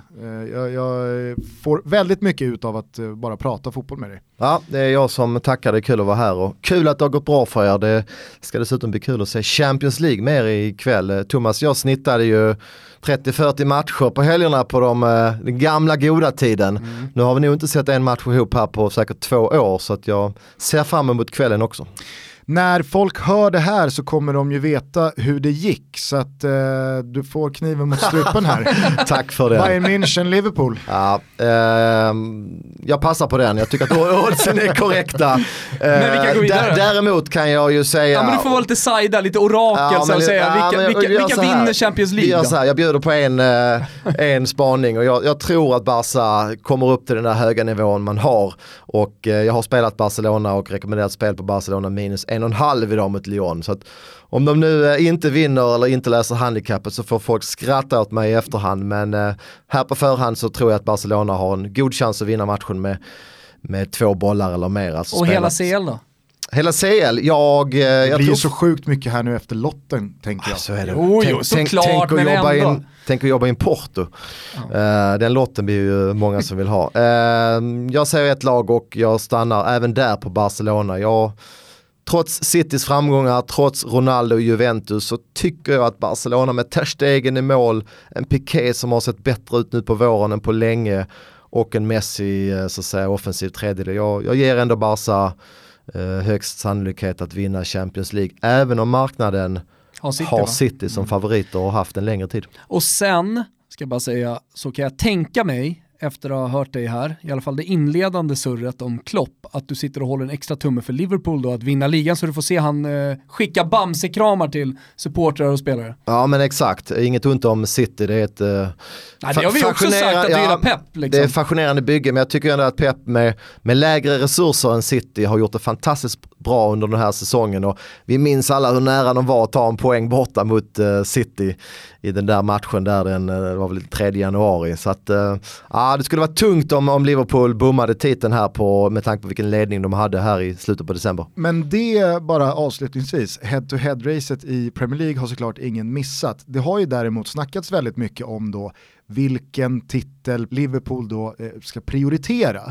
Hur mycket skulle du säga att det påverkar Liverpools chanser att vinna Premier League om man nu eventuellt åker ut mot Bayern ikväll? Eh, svårt att sätta en procent men eh, ja, det kommer att påverka några procent. Eh, det hade varit ännu större faktor om Liverpool även var kvar till exempel i FA-cupen. För då hade du haft tre turneringar du skulle slåss i. Eh, det är ju det City har idag. De är och det kvar. räcker med någon torsk. Precis, de är kvar i FA-cupen, har ligan och eh, även då Champions. Så att, jag tror ändå att faktorn är mindre i och med att eh, Liverpool endast har Champions League och ligan kvar. Men jag tror ändå att det är en faktor, alltså en positiv faktor för ligaspelet om de skulle åka ut mot Bayern idag. Men jag tror ändå att de har så pass bred trupp att de klarar av att spela de här kvarvarande CL-matcherna i kombination med ligan. Det vore ju faktiskt jäkligt kul ifall Liverpool slår ut Bayern och får City i kvarten. ja verkligen, har inte ens tänkt på men det är Eh, nej, nu måste vi sluta innan vi eh, pratar bort hela kvällen här. Som alla gäster så får du avsluta ditt eh, avsnitt med en valfri låt. Och som alla vänder sig om. Precis. Är du satt på pottan. Jag satt på pottan. Kan man ta något, typ Cornelis Vreeswijk eller någonting? Du får ta precis vad. Eh, har han, hans bästa låtar kan jag tycka är bra, vilka är nu det? Men jag kan inte ens sortera det i min hjärna. Sommarkort är Eh, Cornelis bästa. Ja, nej men den här med, eh, och, och Monica, den här Jag hade en gång en båt, den gillar jag. Jag hade en Den tycker jag är fin. Ja. Inte Cecilia Lind, det var inte dit du skulle. Nej det var inte dit jag skulle, jag skulle till båten. Ja. Ja, vi kör ja. båten. Jag hade en gång en båt, eh, får avsluta Daniel. Olenklints eh, avsnitt. Ciao tutti! Stort tack. Tack. Jag hade en gång en båt med segel och ruff och köl. Men det var för länge sen, så länge sen. Svara mig du, var är det nu? Jag bara undrar, var är det nu?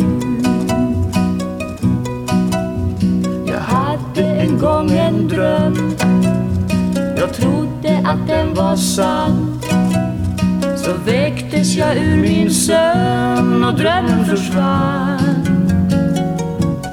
Svara mig du Var är det nu? Jag bara undrar Var är det nu? Det fanns en gång en soldat Han kysste sin mor farväl han sa till sin flicka Du, jag kommer igen Svara mig du Var är han nu? Jag bara undrar Var är han nu? Det fanns en gång en stad I parkerna lekte barn så släppte man ner en bomb och staden försvann Svara mig du Var är det nu? Jag bara undrar Var är det nu? Jag hade en gång en båt Jag drömde en dröm en gång det var för länge sen, så länge sen Svara mig du Var är de nu? Jag bara undrar Var är de nu? Jag bara undrar Var är de nu? Jag bara undrar Var är de nu?